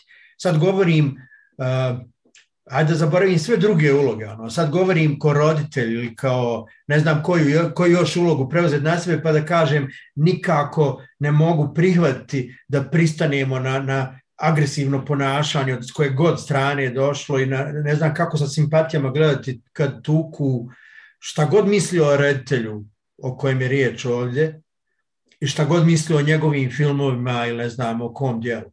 E kako tebi izgleda ta, to što naprave mediji, što naprave društvene mreže o, o, ostatku, ono, nama koji gledamo pa se pretvorimo u krdo navijača? Pa to je, mislim da je to samo primjer koliko zapravo mi sve svodimo na šalu, a čini mi se da su taj diskurs jeste zapravo diskurs šale koji želi da kaže da su kafane prostor tuče i da postoji tradicija je li to kafanskog fajta i da je to čak simpatično. li? Dakle, mi smo zapravo skloni da sve ono što je nenormalno proglasimo da kažemo nekim poželjnim ponašanjem i mi, mi zaista forsiramo te negativnosti i to zaista je do nivoa stereotipa i nekad koliko god sam protiv stereotipa, nekad zaista sam uh, uh, suočen da moram da ih prihvatim. Uh, Mirko Kovač je lijepo u svojim esejima govorio i nazvao svoje eseje, odnosno jedan esej, pa je cijela knjiga tako nazvana Elita gora od rulje. Mislim da mediji upravo forsiraju po znacima navoda javne ličnosti koje zapravo toliko banalno i toliko neodgovorno komuniciraju, tako da mi svjedočimo da je to zapravo estradiza, estradizacija. Dakle, ne postoji ni jedna dovoljno ozbiljna tema koja može da, o kojoj treba ozbiljno da se razgovara. Što banalnije, što estradnije, što popularnije i što prevođenjem u vic, mi zapravo uh, smo zapravo autori takvih sadržaja i mislim da to nije samo ono pitanje da mi odavno ne živimo u tom zlatnom dobu medija, televizije, kada su postojali standardi i kriterijumi, mi zapravo živimo u hiperprodukciji informacija gdje je takva utrka za istima i sve to zapravo liči. Mi imamo, mi imamo recimo situaciju da mnoge televizije koje, su, koje se nažalost gledaju u Crnoj Gori, su zapravo centri propagande i nipodaštavanja Crne Gore Happy televizija kod ovog Marića. Mislim, ja to zaista ne gledam, ja o tome samo čitam ili čujem. Ali to su najgore i najbahatije i najbanalnije e, priče koje tamo neko priča i koje zapravo, e, kako bih rekao, one su toliko uznemiravajuće da, da, da se onda onda ne možete da se čudite zašto mi imamo takvu stvarnost, zašto mi imamo podijeljeno društvo, zašto mi imamo mlade koji koje treba sutra policija da razdvaja da ne bi došlo do nekih ozbiljnih incidenata. E, to je stvarnost ovog prostora, mislim, dugo vremena. I mislim da mediji tome nijesu doprinosili mislim da je da mediji apsolutno, pa mislim kad je B92 kao kultni medij u jednom trenutku postao sve to što je postao, onda šta, šta raditi, šta, kako razmišljati o drugim medijima. E, tako da ni jedno ime, ni jedan brend medijski zapravo nije garancija održanja vrijednosti, jer ovdje je zapravo najteže i nemoguće održati standarde profesionalne i utemeljene vrijednosti koja, koje počivaju na odgovornosti onoga što jeste dio zapadne demokratije. Jel tako? Mislim, pitanje, uh, mislim, ta tema je toliko prisutna i u dranskoj književnosti, ali mi ovdje svjedočimo zapravo da, da ni jedan takav medij, osim nekog alternativnog manjinskog, koji ima jako malu ciljnu grupu, nije uspio i da a, političke elite toliko žele da imaju te medije, bilo javne, bilo privatne, i da a, ta sprega je toliko očigledna da ona zapravo a, proizvodi permanentnu štetu. I mislim da je problem što mi bilo kakav evropski narativ tako lažno primjenjujemo i toliko površno i da se stalno zapravo suočavamo sa ogromnim neznanjem ili ono što je Borka Pavićević voljela da kaže tu riječ, ja često volim da je citiram i uvijek pomislim na Borku Pavićević kad, kad izgovorim tu riječ, a to je riječ kapacitiranost. Dakle, na koji način je, su naši ti neki različiti sistemi, sad pričamo o medijskim, kapacitirani, jer pazite, vi tu imate toliko ljudi bez integriteta, koji će po onom čuvenom Burdijevu, jeli njegovom narci, s ovom ogledalu i tim krugovima, moći, dakle prstenovima filtriranja autonomije nekog novinara, jeli, koje ja kao gledalac e, gledam i autora neke emisije, znači kad on prođe sve te razne filtere, onda mi je zaista fascinantno kako isti ljudi a, sa promjenom uredničkom, menadžerskom ili, ili orijentacijom nekog medija, kao na dugme da ih uključite, oni, oni su vam do danas pričali jedan narativ, imali su pristup stvarnosti vrlo, kako bih rekao, usmjeren ka jednoj, jednoj, jednom konstruktu i preko noći se takvom lakoćom prihvate potpuno neku drugu suprotnu ideologiju, koncept. To samo svjedoči da ovi naši prostori imaju manjak ljudi sa integritetom. I možda, možda zbog toga što su ljudi uplašeni, što se bave svojom egzistencijom, što su konstantno izloženi različitim oblicima pritiska i manipulacija, ali je poražavajuće da ti procesi stvaranja integriteta, jačanja društva i prosto jačanja odgovornosti individualne tako sporo ide da onda nekad evo ti si rekao da sam optimista, ja uvijek pokušavam biti optimista, ali ipak prihvatam mišljenje jedne moje prijateljice Ljiljane Dufgran, crnogorke koja živi u Švedskoj i koja u jednom tekstu u, za Maticu Crnogorsku ko, u kome je upoređivala iskustvo Švedske i Crne Gore, nje kao Crnogorke i Šveđanke i tako dalje, onako vrlo duhovito na samom početku rekla pa mislim mogu ja sad to da poredim, ali ipak će ovdje, misleći na Crnu Goru, biti bolje za 200 godina. Dakle, mi smo, propust, pro, mi smo puno prilika dobrih eh, propuštili, propustili, Dakle, period socijalizma koji je nosio emancipaciju, ideju progresa smo takođe bagatelisali. Ovu našu tranziciju bagatelišajemo, vidimo koliko i kako.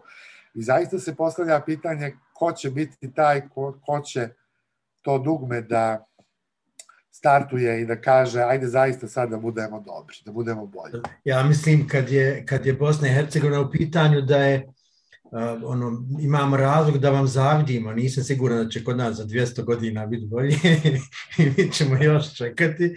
Onaj, ali evo, dobar, dobar, mislim da je vrijeme da konačno dođemo do priče o pozorištu, ovog, sa medija, sa priče ne samo o odgovornosti, nego uh, kad smo već rekli šta zamjeramo medijima, šta zamjeramo televiziji, novinama, da, da te pitam koliko si optimista u, u, u teatru, to jest kako ti se danas čini koliko ima smisla ovaj posao kojim se mi bavimo, čime se crnogorski teatr danas bavi, na koji način postoji, kako da odgovori na ovo što mu se dešava, a sve to te pritam i zbog tvog stava o kojem si pisao priča, ti će znati, pa eto, bar donekle objasni ljudima koji nas slušaju, uh, o, o festivalima, znači o susretu sa drugima, od, od, od dolazcima teatara i svijeta, ali i putovanju, a s, s, zajedno, da opet sad stavim još jedan dodatni novi okvir,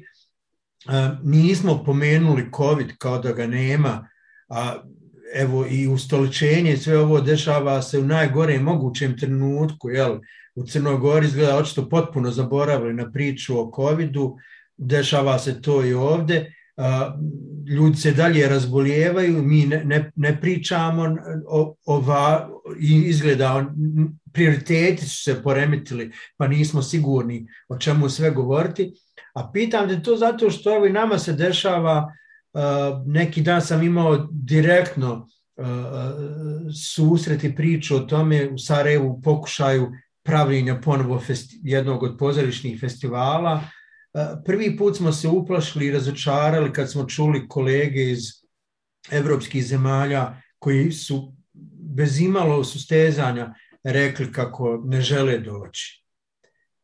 Iz raznih strahova. Jedni zbog straha od covid drugi zbog straha od ratova i nemira. Pa me zanima to, kakav je tvoj doživljaj, a pričamo o pozorištu, stalno govorimo ovo kako se mi međusobno vidimo, kako Srbi vide Crnu Goru, kako Crna Gora vidi druge države, kako Bosna vidi Hrvatsku i slično, kako nas ostatak svijeta vidi ono da li će nam u jednom trenutku svi prestati dolaziti zato što ćemo mi imati svoje ustolčenja, svoje ratove, svoje budalaštine. Pa, mi smo toliko visoko neodgovorne zajednice, upravo taj odnos prema prema pandemiji COVID-u najbolje svjedoči koliko zapravo smo zanemarili taj aspekt. I mislim da je taj, e, to pitanje zaista fenomen jedan. Dakle, mislim, oni u širim okvirima svjedoči zapravo tu potrebu da, da ljudi se opiru, bilo, bilo racionalno, bilo iracionalno, ali mi toliko svjedočimo da više ne postoje. Dakle, to je zaista absurd. Vi imate neke epidemiološke mjere, a, mislim, njih niko ne sprovodi. Mislim, ja uopšte ne znam o čemu one služe više. Pozorište u svemu tome, mislim da i prije covid zapravo je izgubilo, barem sad pričamo o Crnoj Gori, dakle, crnogorska kulturna politika a, i u nekom kontekstu je zapravo nije, nije otvarala vrata da kažem, uspostavljanju, jačanju festivala. Mislim da je ta priča prilično svedena na lokalne okvire ili nacionalne i samo pozorište mislim da nije imalo adekvatne odgovore u ovim aktuelnim procesima društvenim koji su se dešavali. Dakle, Crnogorsko pozorište zadnjih godina je prilično eskapistički usmjereno. Mislim na ovo mainstream, mislim na festivale, mislim na glavne pozorišne tokove, da je zapravo nije niti prepoznavalo, niti istraživalo te neke traumatične tačke savremene istorije ili daleke istorije, što je Crnogorsko pozorište radilo u nekoj svojoj, da kažem, bližoj prošlosti. Dakle, mislim da pozorište mora da se bavi tim eh, bolnim mjestima zajednice, ne samo u tom strogo političkom smislu. Mislim da da je to pitanje uvijek onog, e, da kažemo, ljudskog ili individualnog prava ili neke okolnosti, da, da prosto progovara o tom nekom o nekoj dinamici zajednice. I ja zaista sam kritičan sprem repertoara crnogorskih zadnjih pa 4-5 godina, koji su apsolutno nekako uh, uh, zanemarili taj kontekst uh, društveni, dinamiku zajednice, dinamiku društva, pa sam ova priča srpsko-crnogorska ili ova crk religijska ili vjerska ili klerikalizacija društva, pa mislim ona je toliko potentna za repertoar.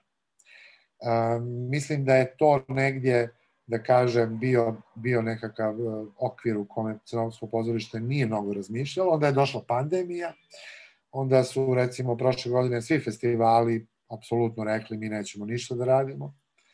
E, sama, sama politika koja je određivala određena pravila je potpuno zanemarila ili zaboravila na, na sektor kulture, pa je sektor kulture pokušavao da, da kreira ambijent, a onda svjedočimo sigurno i tome o čemu ti sad govoriš, da smo nesigurne destinacije, da smo destinacije koje nemaju sigurne protokole, opet smo na nekim crvenim listama i zapravo je pitanje e, da li, e, dakle, mi, mi nemamo problem kada treba da nam neko dođe da bi ostavio pare kao turista, ali mi uopšte ne razmišljamo o nama koji treba negde da odemo.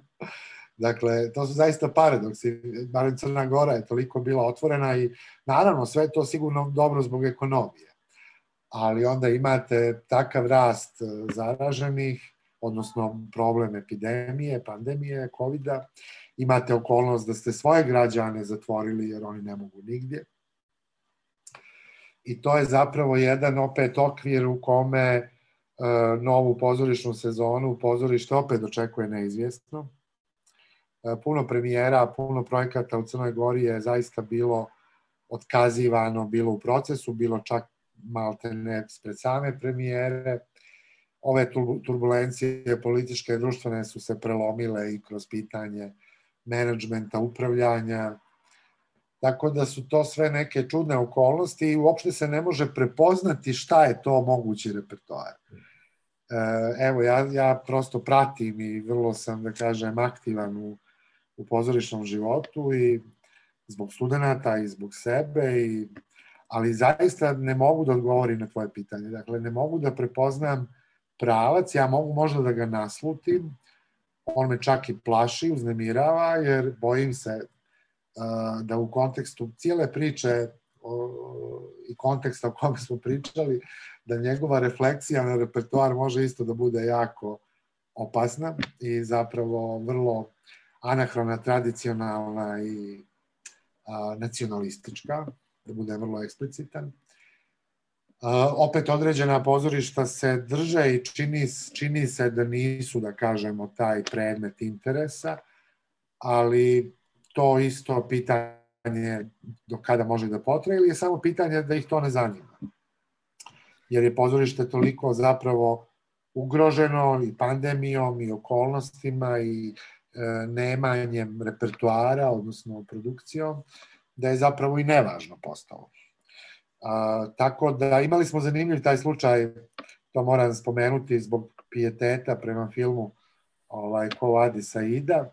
On je trebao biti prikazan na jednom potpuno marginalnom, ne toliko bitnom festivalu koji se zove Montenegro Green Film Festival i on se na Žabljaku dešava, promoviše ekološki film i desilo se da je sa repertoara skinut film Kolari Saida. I onda je se digla frka, naravno dio javnosti je negadovao. Ja sam onda u jednom trenutku prosto napisao jedan post da je nevjerovatno da zbog nekih drugih tema jedan lokalni, ne toliko bitan projekat postaje toliko značajan, želeći da kažem da svaka kultura, svaki kulturni sistem mora da ima etabliranu skalu i hjerarhiju festivala. Mislim, prosto to postoji, kao što postoje, jeli, svi znamo, A, B festivali i tako dalje. To je u poslednom svijetu filma izraženo. A onda mi je bilo zanimljivo da niko nije postavio pitanje zašto ko vadi ide nije u selekciji festivala u Herceg Novo, Montenegro Film Festivala, koji je ključni nacionalni međunarodni filmski festival. Dakle, pravo pitanje, a to niko nije postavio, to pitanje.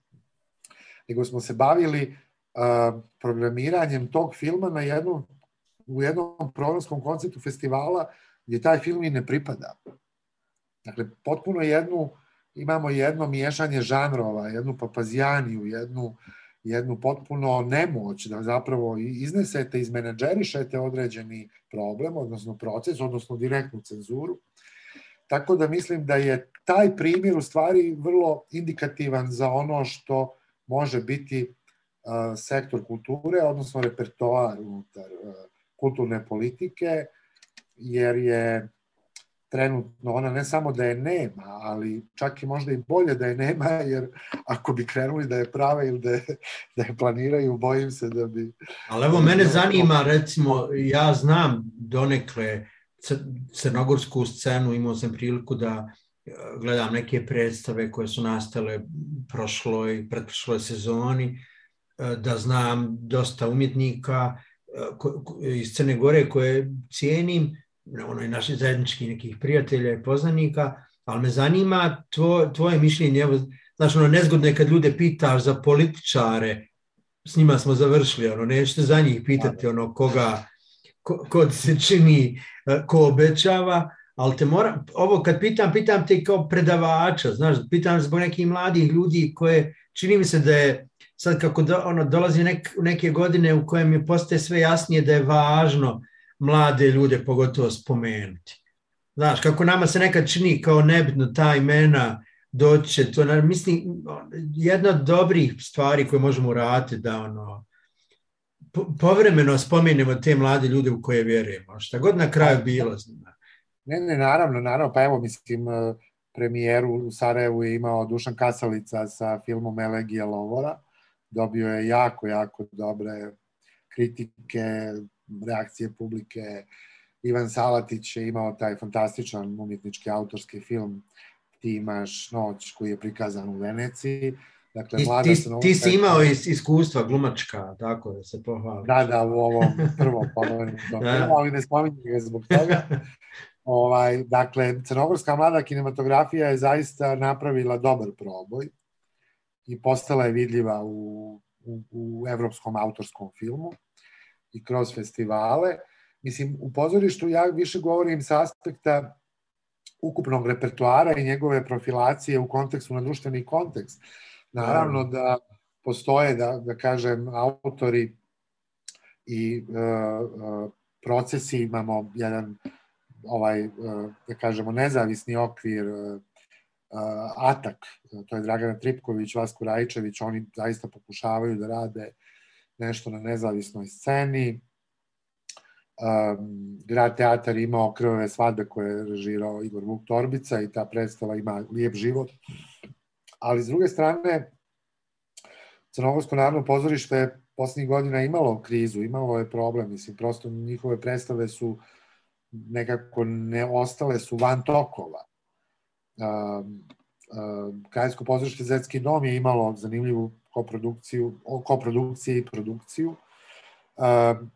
Naravno, ali to je ipak jedna minimalan okvir ako govorimo o, da kažemo, nekom dinamičnijem, angažovanijem repertuaru koji bi imao i neku vrstu odgovora na sve ove probleme o kojima smo pričali. Dakle, e, imamo jeli, čuvenu predstavu princeza Ksenija od Crne Gore Radmile Vojvodić koja 94. potpuno pokreće priču e, potisnute istorije i sjećanja. Imamo Ljubomira Đurkovića Otpad, koji govori o tricama i kućinama otačbine u svijetlu NATO intervencije 99. I opet imamo sličnu priču o kojoj danas pričamo. Imamo tu priču srpsko-crnogorsku u svijetlu uh, uh, kraja te sulude politike Slobodana Miloševića i te godine, dakle, jednu refleksiju podgoričkog jednog naselja, jedne potpuno uništene poz, poz, porodice u tranziciji, to je čuvena drama Otpad Ljubomira Đurkovića, dakle imali smo puno primjera, imali smo očevi su gradili uh, uh, Borisa Liješevića, dakle jednu predstavu koja je govorila o tom problemu tranzicije, problemu vrijednosti malog čovjeka u kontekstu kapitala. Dakle, mislim, govorim, evo, spomenuo sam samo tri naslova, mogu još, naravno.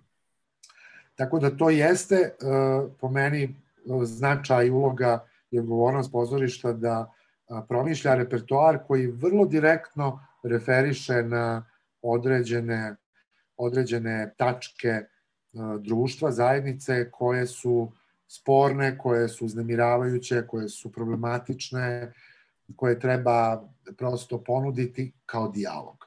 To nisu bile predstave koje, bez obzira što su autori, svi ti autori su vrlo jasnog etičkog, ideološkog stanovišta, ali su to i estetski relevantne predstave i tekstovi i tako dalje i tako dalje. Dakle, govorimo o repertoaru koji zaista uspostavlja dijalog i koji e, dovodi do, neće naravno ta pozorišna publika, to znamo, nemoće pozorišta ipak u kontekstu ovih velikih drugih ciljnih grupa i aktera koji određuju naše živote, naravno nećemo tu, ali e, naravno da, da ćemo doći do nekih novih mladih ljudi. Sad se vraćam na mlade ljude.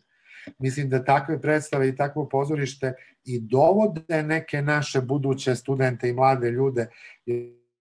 Mislim da samo dobro i uzbudljivo pozorište motiviše mlade ljude da požele da se bave umjetnošću. Mislim da pozorište koje ne dodiruje, koje je eskapizam, koje je čista estetizacija ili neka, da kažemo, potreba citiranosti, neke klasike ili da kažemo, jednog potpuno formalnog razvoja savremene dramaturgije, da takvo pozorište ne proizvodi stvaraoce, buduće. I to vidim kao neki problem, jer u kontekstu, evo, i ovih prijemnih ispita i našeg fakulteta, zabrinjavajući je broj mladi koji uopšte žele da dođu na fakultet dramskih umjetnosti da bi studirali dramu i pozorište, a to znači pozorišnu režiju, dramaturgiju ili pozorišnu produkciju. Dakle, to je zaista e, već onako alarmantan broj i onda se postavlja pitanje, moramo kao odgovorni ljudi da razmišljamo zašto je to tako. Dakle, e, problem je sigurno višestruk. Problem je i u ambijentu, problem je i u konkurenciji, problem je i u e, ponudi, odnosno sadržajima, tako da sve, kada te različite faktore uzmete, onda zapravo svjedočite da mladi ljudi ne vide u pozorištu uzbudljivost i prostor i mogućnost da postanu sutra e, e, dakle, studenti, odnosno budući profesionalci, stvaraoci, da osjećaju krizu, da osjećaju neizvjesnost, i da je tu zapravo najmanji problem što mogu ja sada kritikovati neki aktualni repertoar ili učinak pozorišta ili odgovor njegov na sve ovo o čemu pričamo, ali mislim da je to takođe dugoročno gledano se tiče i budućih stvaralaca. A opet, kada govorimo o pozorišnoj zajednici, ona je uvijek mala. Mislim, i kad govorimo o većim sistemima, opet su ti brojevi mali, ali je važan kvalitet i važan je sadržaj. A očito, sve ovo o čemu pričamo, evo skoro dva sata, da je, da je to razlog zbog kojeg mladi ljudi, pa i oni stariji, pronalaze razlog da pobjegnu, udalje se i od teatra i od umjetnosti. Ja, ja ne znam, pričali smo, imamo slične, ako ne identične probleme i u Sarajevu, Bosni i Hercegovini, na našoj akademiji i niko ne zna tačan odgovor ne samo zbog čega se to dešava, nego šta uraditi da se to, da se to promijeni. Zašto sam te pitao ovo, e, nisam rekao na početku, nije, nije najvažniji podatak, ja znam da ne insistiraš ni ti na priče o tome, ali evo zbog odgovora na ova i slična pitanja, da pomenem, ti si jedno vrijeme bio na čelu Crnogorskog narodnog pozorišta i bio si ministar kulture. Da. E sad, moje pitanje je to bilo ono koliko si se Eh, pa hajde kažem, razočarao, koliko se osjetio razočarenja kao ono šta možeš uraditi na tim mjestima, koliko si naučio šta, kako izgleda sad iz ove pozicije, ono, gdje, gdje prepoznaješ svoje greške i šta bi, šta bi da. da, da li bi se ikad usudio ponoviti te mandate i sad, da, da sigur, jesi li siguran da bi uradio uh, pametnije i bolje? Da li je moguće napraviti? Pa, Pa zaista, zaista ne razmišljam o ponavljanju mandata, ali nemam nikakvu traumu od toga. Dakle, mislim da se da mislim da su tri okolnosti zašto neko prihvata da bude direktor ili ministar, možda je ovo lijepo da podijelimo iz neposrednog iskustva. Dakle, recimo u slučaju kada sam uh, dobio poziv da budem direktor Crnogorskog narodnog pozorišta, onda sam bio sedam i pol godina direktor a, zaista u tom trenutku sam to nevino i naivno prihvatio. I, i trebalo mi je određeno vrijeme da, da prosto se adaptiram i cijelo vrijeme, jedno vrijeme, prvo, prvo, prvobitno vrijeme sam nekako trošio u osjećanju da učim.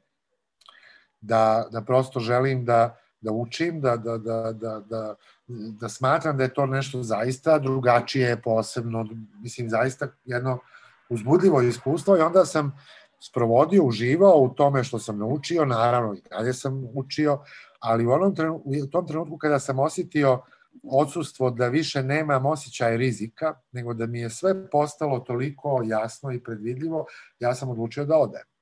Dakle, ja sam jedan od rijetkih funkcionera u kulturi Crne Gore koji je na osnovu u isteku drugog mandata dobrovoljno sistemski napravio strategiju egzita godinu dana prije rekao da, da će da ode, da više neće to da radi I ja nemam nikakvu traumu, imam zaista predivna iskustva, bez obzira što je bilo puno, da kažem, i nezgodnih i neuspješnih i uspješnih, naravno, produkcija konteksta samog pozorišta je jedan uzbudljiv živ organizam, posebno Crnogorsko narodno, koje je i da kažemo jedna važna ustanova kulture i tačka susreta raznih procesa.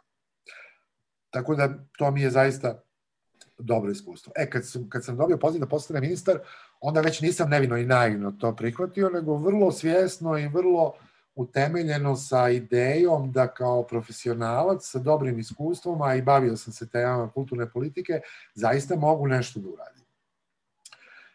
Jer to jesu pozicije moći koje a, definitivno determinišu procese i koje mogu da proizvedu određene rezultate. I međutim, a, moja brza ostavka u kontekstu tadašnje vlade koja se bavila na jedan pogrešan način procesima na univerzitetu i problemom autonomije, je zapravo kod mene proizvela otpor i ja sam ja, ja se nijesam mirio sa miješanjem tadašnje vlade u autonomiju univerziteta i dao sam ostavku, jer dolazim sa tog univerziteta. I onda se to naravno ispostavilo kao čin jedni su mi čak zamjerili što sam to uradio jer sam ih ostavio, jer su imali velika, veliku nadu očekivanja da ću nešto da uradim. Um, I ne znam, nisam siguran da li bih nakon svega uh, prihvatio sličan poziv. Uh, mislim da to čak ne bi bilo ni moguće, ni čak mislim da je to nekako ne vjerujem u, u mogućnost da čovjek dva puta bude ministar. Možda da bude ministar poljoprivrede ili ministar saobraćaja. Ali samo da pojasniš ljud, ljudima u Bosni i Hercegovini koji se jako često žale, ti znaš da je naše ministarstvo kulture spojeno ide uz, uz sport, jel, ministarstvo kulture i sporta. Za one koji ne znaju da kažeš kako je to u Crnoj Gori, šta je, gdje, gdje u tome vidiš problem?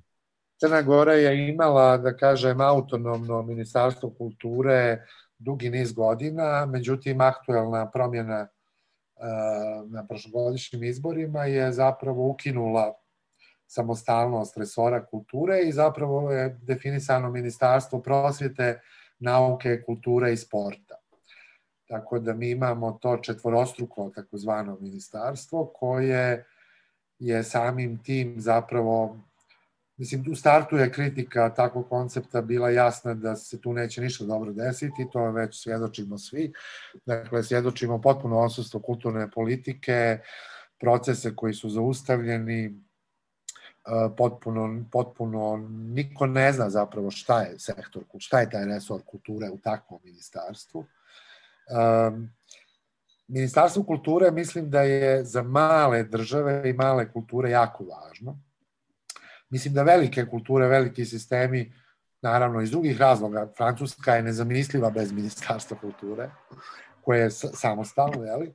dok recimo u Velikoj Britaniji je to ministarstvo i mladih, i sporta, i kulture, ali Britanija ima potpuno druga načela, drugi sistem upravljanja kulturom, ima svoja umjetnička vijeća, ima jednu situaciju koja je između Evrope i Amerike, Tako da svaka, svaka zajednica zapravo definiše Ministarstvo kulture u kontekstu njenih potreba, ali još važnije je dostignuto kulturnog razvoja. Ako je kulturni razvoj nedosti, nedostignut i ako on nema, da kažem, eh, ako je on imao niz problematičnih tačaka, onda tek postoje bitni razlozi zašto, ono, zašto to ministarstvo treba da postoji. Dakle, Crna Gora je u tom smislu zaista imala jednu promjenu i paradigmu, jer naš zakon o kulturi je čak imao i taj čuveni procenat zakonski budžeta da budžet za kulturu mora biti 2,5% budžeta nacionalnog godišnjeg, što je vrlo značajno bilo. Tako da su bile pokrenute investicije, kapitalni projekti, dakle kultura nije samo ono što mi jeli, proizvodimo kao umjetničko dijelo, nego je to sistem produkcije, to je prostorni aspekt, to je pitanje raznih drugih javnih politika i sve su to zapravo bitne i nužne teme da, da zapravo imate e, dobru poziciju u vlasti, u izvršnoj vlasti, vladi samog resora i segmenta kulture. kada ga vi tako relativizujete i povežete sa drugim sektorima, uvijek će se zapravo otvarati ti kanali zone uticaja da li je naš ministar iz kulture ili iz sporta ili iz nauke ili sa univerziteta ili pripada omladinskim politikama. I onda zapravo nemate ljude od integriteta, autoriteta koji treba da sprovode jednu tako ozbiljnu priču koja, koja se zove kulturna politika kao jako, jako značajno i osjetljivo pitanje društvenog konteksta, razvoja, mislim da kultura određuje procese i obrazovanja i turizma i mislim ekonomije, ali naši pristupi kulturi su toliko tradicionalni i anahroni to sad pokazuje ovaj da kažem crnogorski slučaj gdje se prosto ta priča vratila na neke modele koji su i ranije postojali i pokazalo se da su neuspješni. Znači mi prosto nevjerovatno koliko koliko u našim odlukama ne postoji ozbiljna analiza. Ne postoji ozbiljan uvid kako određeni sistem koji ja modelujem se pokazao u nekoj prošlosti i tako dalje. Tako dalje.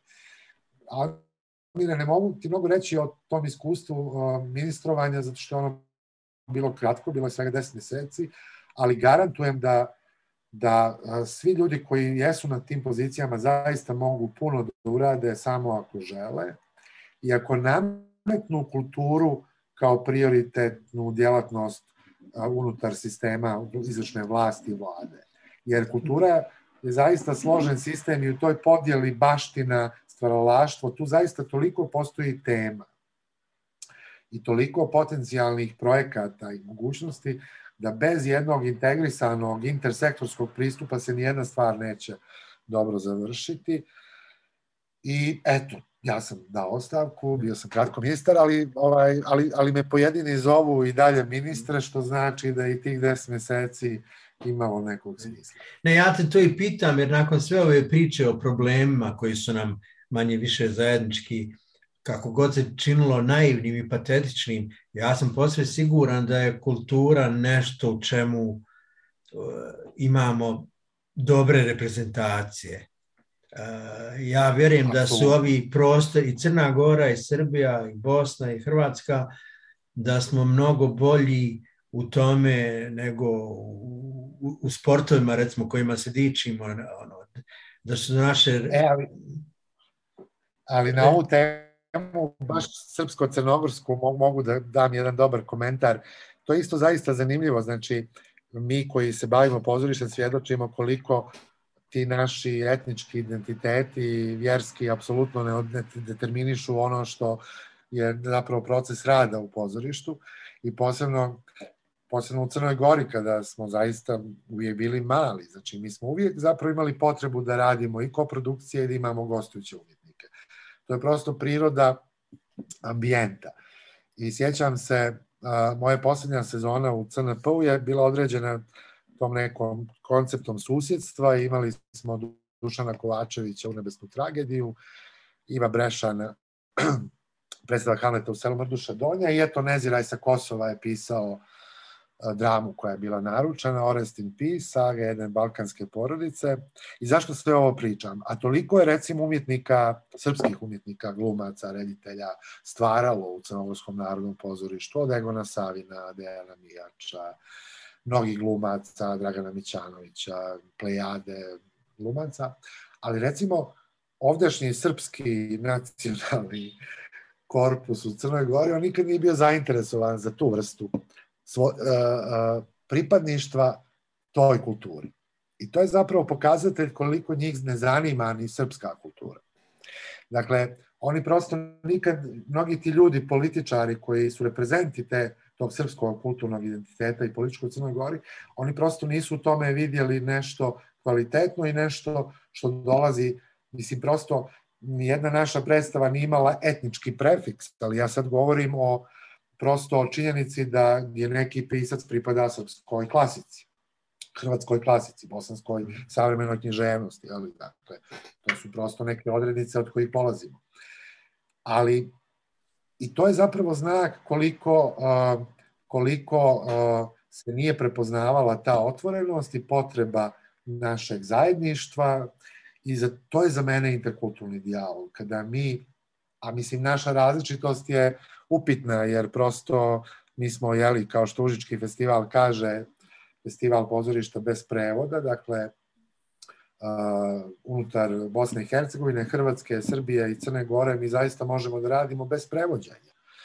I mi ostajemo to što jesmo, ali stvaramo svjetove, stvaramo narative, ne prevodimo Krležu, ne prevodimo Nušića, igramo ga na hrvatskom, na srpskom, jeli, mislim, prosto se ne bavimo tim stvarima, dakle, ali je neverovatno kako izvan našeg prostora, izvan te pozorišne sale, izvan tog procesa žive neki drugi ljudi koji uh, u tome naravno ne vide vrijednosti sobstvene kulture, nego zapravo biraju ono što Mirko Kovač, da ga opet citiram, naziva elitom gorom od rulje. Dakle, citira neke druge pjesnike i pisce kojima nikad dosta sahrana. nikad dosta opela.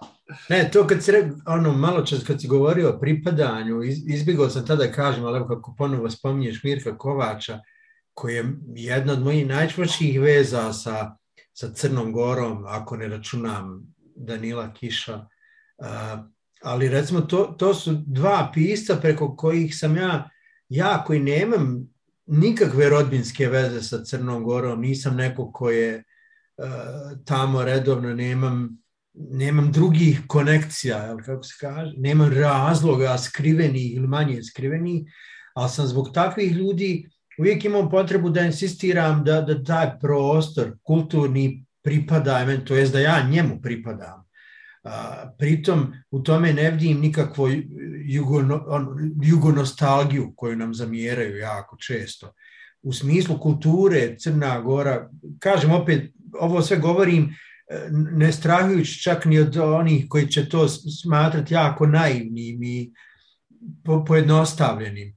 Ali al vjerujem da mi u pozorištu trebamo ljude, po, ako ima neki zadatak, jedan od njih je to podsjećanje da ono može se pripadati jednom prostoru u kojem ne živite, u kojem niste često. Evo kad ne govorim o Crnoj Gori, neki dan sam pisao o tome, ja kad, kad gledam književnost od koje sam učio, ja mnogo više recimo e, poljsku i češku književnost osjećam kao svoju nego neke koje su nam bile zajedničke, jel, kojima smo pripadali do juče u, u Jugoslaviji. I volio bi kad bi na taj način se ljudi ne plašili drugih i, dru, i drugačijih, a, a sličnih. Volio bi, na, evo negdje smo na kraju razgovora da te ne maltretiram previše, spomenuo sam tvoju knjigu na početku, pa imam, a imam potrebu i sada da je spomenem, jer si ti u sve ovo vrijeme koje se dešava ne samo COVID, nego i, i svi drugi problemi koje svako od nas ima bez obzira na, na politiku, ti si našao razlog da napišeš knjigu o, koja se zove Svijet umjetničkih profesija, drama i pozorište, to jest da se opet baviš ne samo pozorištem, nego da se baviš mladim ljudima, kao kažeš, kojima je to prije svega namiljeno. Dakle, kad sam te pitao o tvom optimizmu, ja ga najviše prepoznajem u tome. Ti nisi odustao od, od te vrste ono, prepoznavanja da, da budućnost ima ipak smisla da, da, da, da... Pa, pa definitivno mislim da je pisanje idealan, uh, idealan proces, postupak uh, baš u nekim, da kažem, kriznim vremenima. Bilo da su krizna na ličnom planu, dakle na nekom individualnoj spoznaji konteksta ili prosto nekih procesa koji se okrenu, i izmaknu zapravo iz tog nekog, da kažem, svjetonazora koji je entuzijazam, vrlo realan, jeli, dakle ono što možemo da uradimo. I onda to pisanje se zaista otvori kao jedan odgovoran ili univerzalan prostor razmišljanja u konkretnoj knjizi razmišljanja o mladim ljudima, studentima, dakle, na koji način možemo ispričati priču pozorišta iz perspektive onih koji ga stvaraju, tog složenog svijeta umjetničkih profesija i zanimanja i aspekata svih tih e, zanimanja i profesija i to je bio jedan uzbudljiv proces da, da ta knjiga nastane i, i zapravo sam nastavio, ne bih sad otkrivao šta je novi rukopis, Biće prilike, ali a, intenzivno pišem i dalje i nekako smatram da, da je to pisanje ne samo element terapeutskog, baš zbog toga što je kontekst kriza, nego što prosto stvaranje bilo kog dijela je zapravo priča onome kako je moglo biti ljepše. Mislim da svaka dobra predstava, dobar dramski tekst, dobar roman, dobar film je zapravo negdje i ta neka nostalgija za nekim ljepšim vremenom. Za onim vremenom koje je prošlo, a zapravo se desilo to što se desilo i koliko god da bio i pesimista ili pristupio nekom apokaliptičnom ili čak i ako neki film nema happy end i zapravo svjedočimo uh, da kažemo absurd ili, ili nepovoljnost određenog, određene priče, mislim da i takva dijela zapravo stvaraju ideju, ako ništa, da je borba važna, da je važan otpor, da je kultura otpora važna, da ne mora svako da uspije u nekoj, jeli, nekom, nekom vremenu.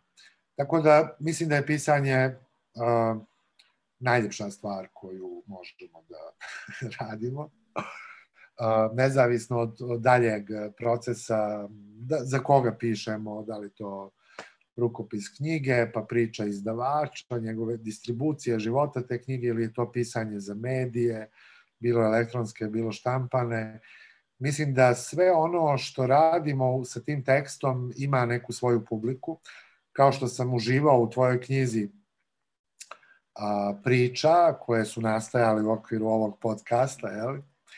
A, a, kao što me sretne recimo jedan jedan stari gospodin, onako, džed, jedan cetinjanin, pa mi kaže, čitam ove tvoje tekstove subotom i jako mi se dopadaju i onda priča. Mislim, prosto taj susret sa običnim čovjekom. Evo, ti ja se poznajemo, pa razmjenjujemo iskustva međusobnog čitanja. Ali mislim da u tim komentarima nastupamo kao da se ne poznajemo, a, bo, a, mislim, a, a bolje smo se upoznali kroz te tekstove. To je još dodatna ljepota. Jako je lijepo poznavati pisca. Uh, ja strašno volim što imam potpisanu knjigu Gradu Zrcalu Mirka Kovača, koju mi je potpisao u Sarajevu 2008. godine. Znači, to zaista nekako volim. volim. To, na, to je na mesu, je li tako? Na mesu, da. Znači, zaista to volim. E, tako da, da hoću reći da, da, da taj, da kažemo, susret sa našim čitaocima, neposredan susret, uh, je zapravo potvrda da to što pišemo ima značaja. Ne ulazim sad u estetsku kritiku, profesionalnu kritiku, recenziju, dakle sve ono što, što čemu jesmo izloženi, nego govorim zaista na nivou, e, da kažem, te potrebe čitanja i e, posebno u nekim vremenima koja jesu teška e, i koja zaista nekim ljudima su potrebni takvi tekstovi. Jer oni njima pronalaze i empatiju i uh, upozorenje i odgovornost i uh, zaboravljene ljude, ja sad kao da radim recenziju tvojih priča. Dakle, ali suština jeste u tome da, da, da, da, da zaista je to pisanje i uh, sve više više uživam u tome i volio bih u stvari da, da budem samo pisac.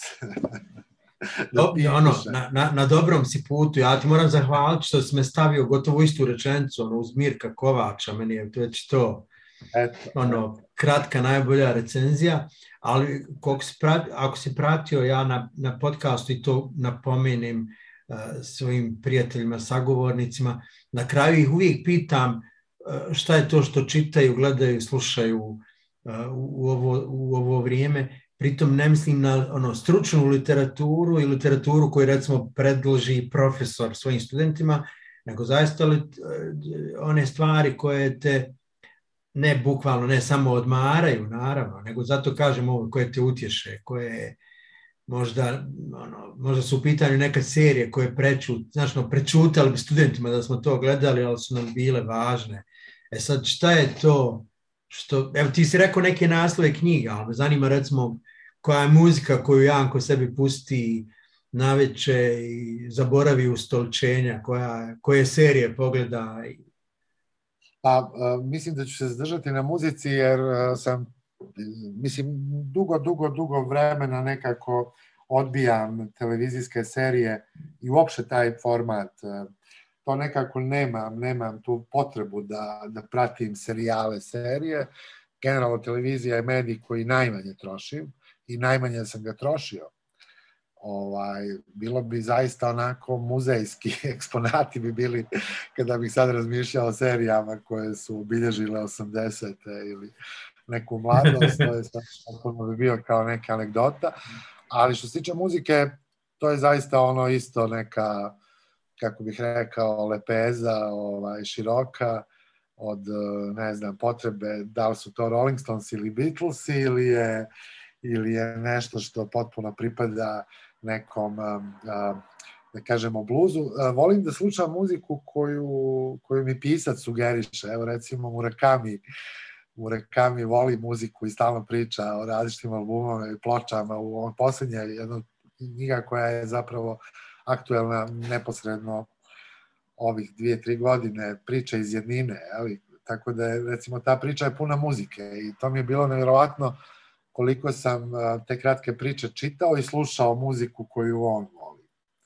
Ovaj, tako da uvijek mi je negdje zanimljivo kada kroz književnost ili neku drugu vrstu eseistike, publicistike zapravo se susretnem sa muzikom. Roba Reimena neizmjerno volim, holandskog sociologa.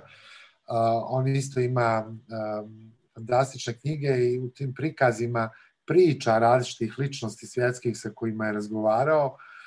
Škola za budućnost se zove ta knjiga e, njegovih priča i intervjua, koje su zapravo nisu klasični intervjui, to su zapravo priče koje su nastale kroz druženje, razgovore intervjue koje on imao, pa je on to zapravo sve pretočio u svoje priče. Pa recimo i takva vrsta teksta vas dovede do različitih nekih... Volim zapravo kad kroz umjetnost, a književnost je tu najpotentnija i uopšte publicistika koja vas vodi ka drugim umjetnostima, drugim, bilo da je to muzika, bilo da je film, bilo da je i likovna, likovna, vizualna umjetnost.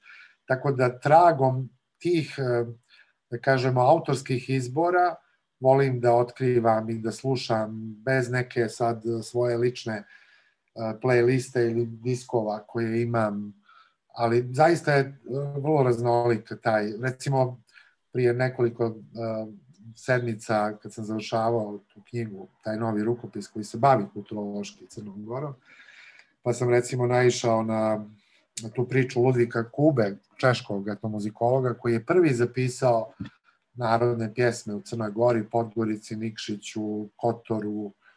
I naravno, on je zapisao 70 pjesama koje podveo pod tim da su crnogorske, a kad ih danas slušamo ili kad vidimo spisak tih pjesama, on neko će reći kako crnogorske, to je bosanska pjesma.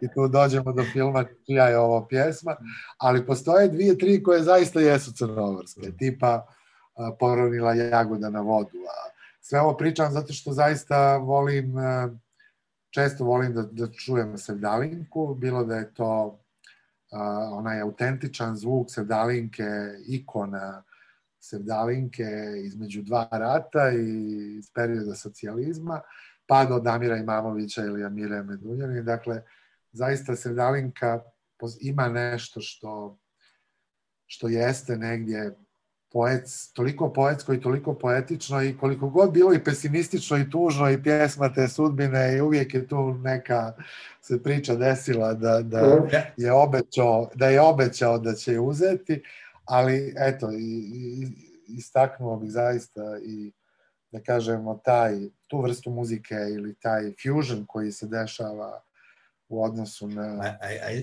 izvini, ja moram spomenuti za ljude koji nas slušaju, sad sam me podsjetio da iskoristit ću ovo zlopotrijebiti.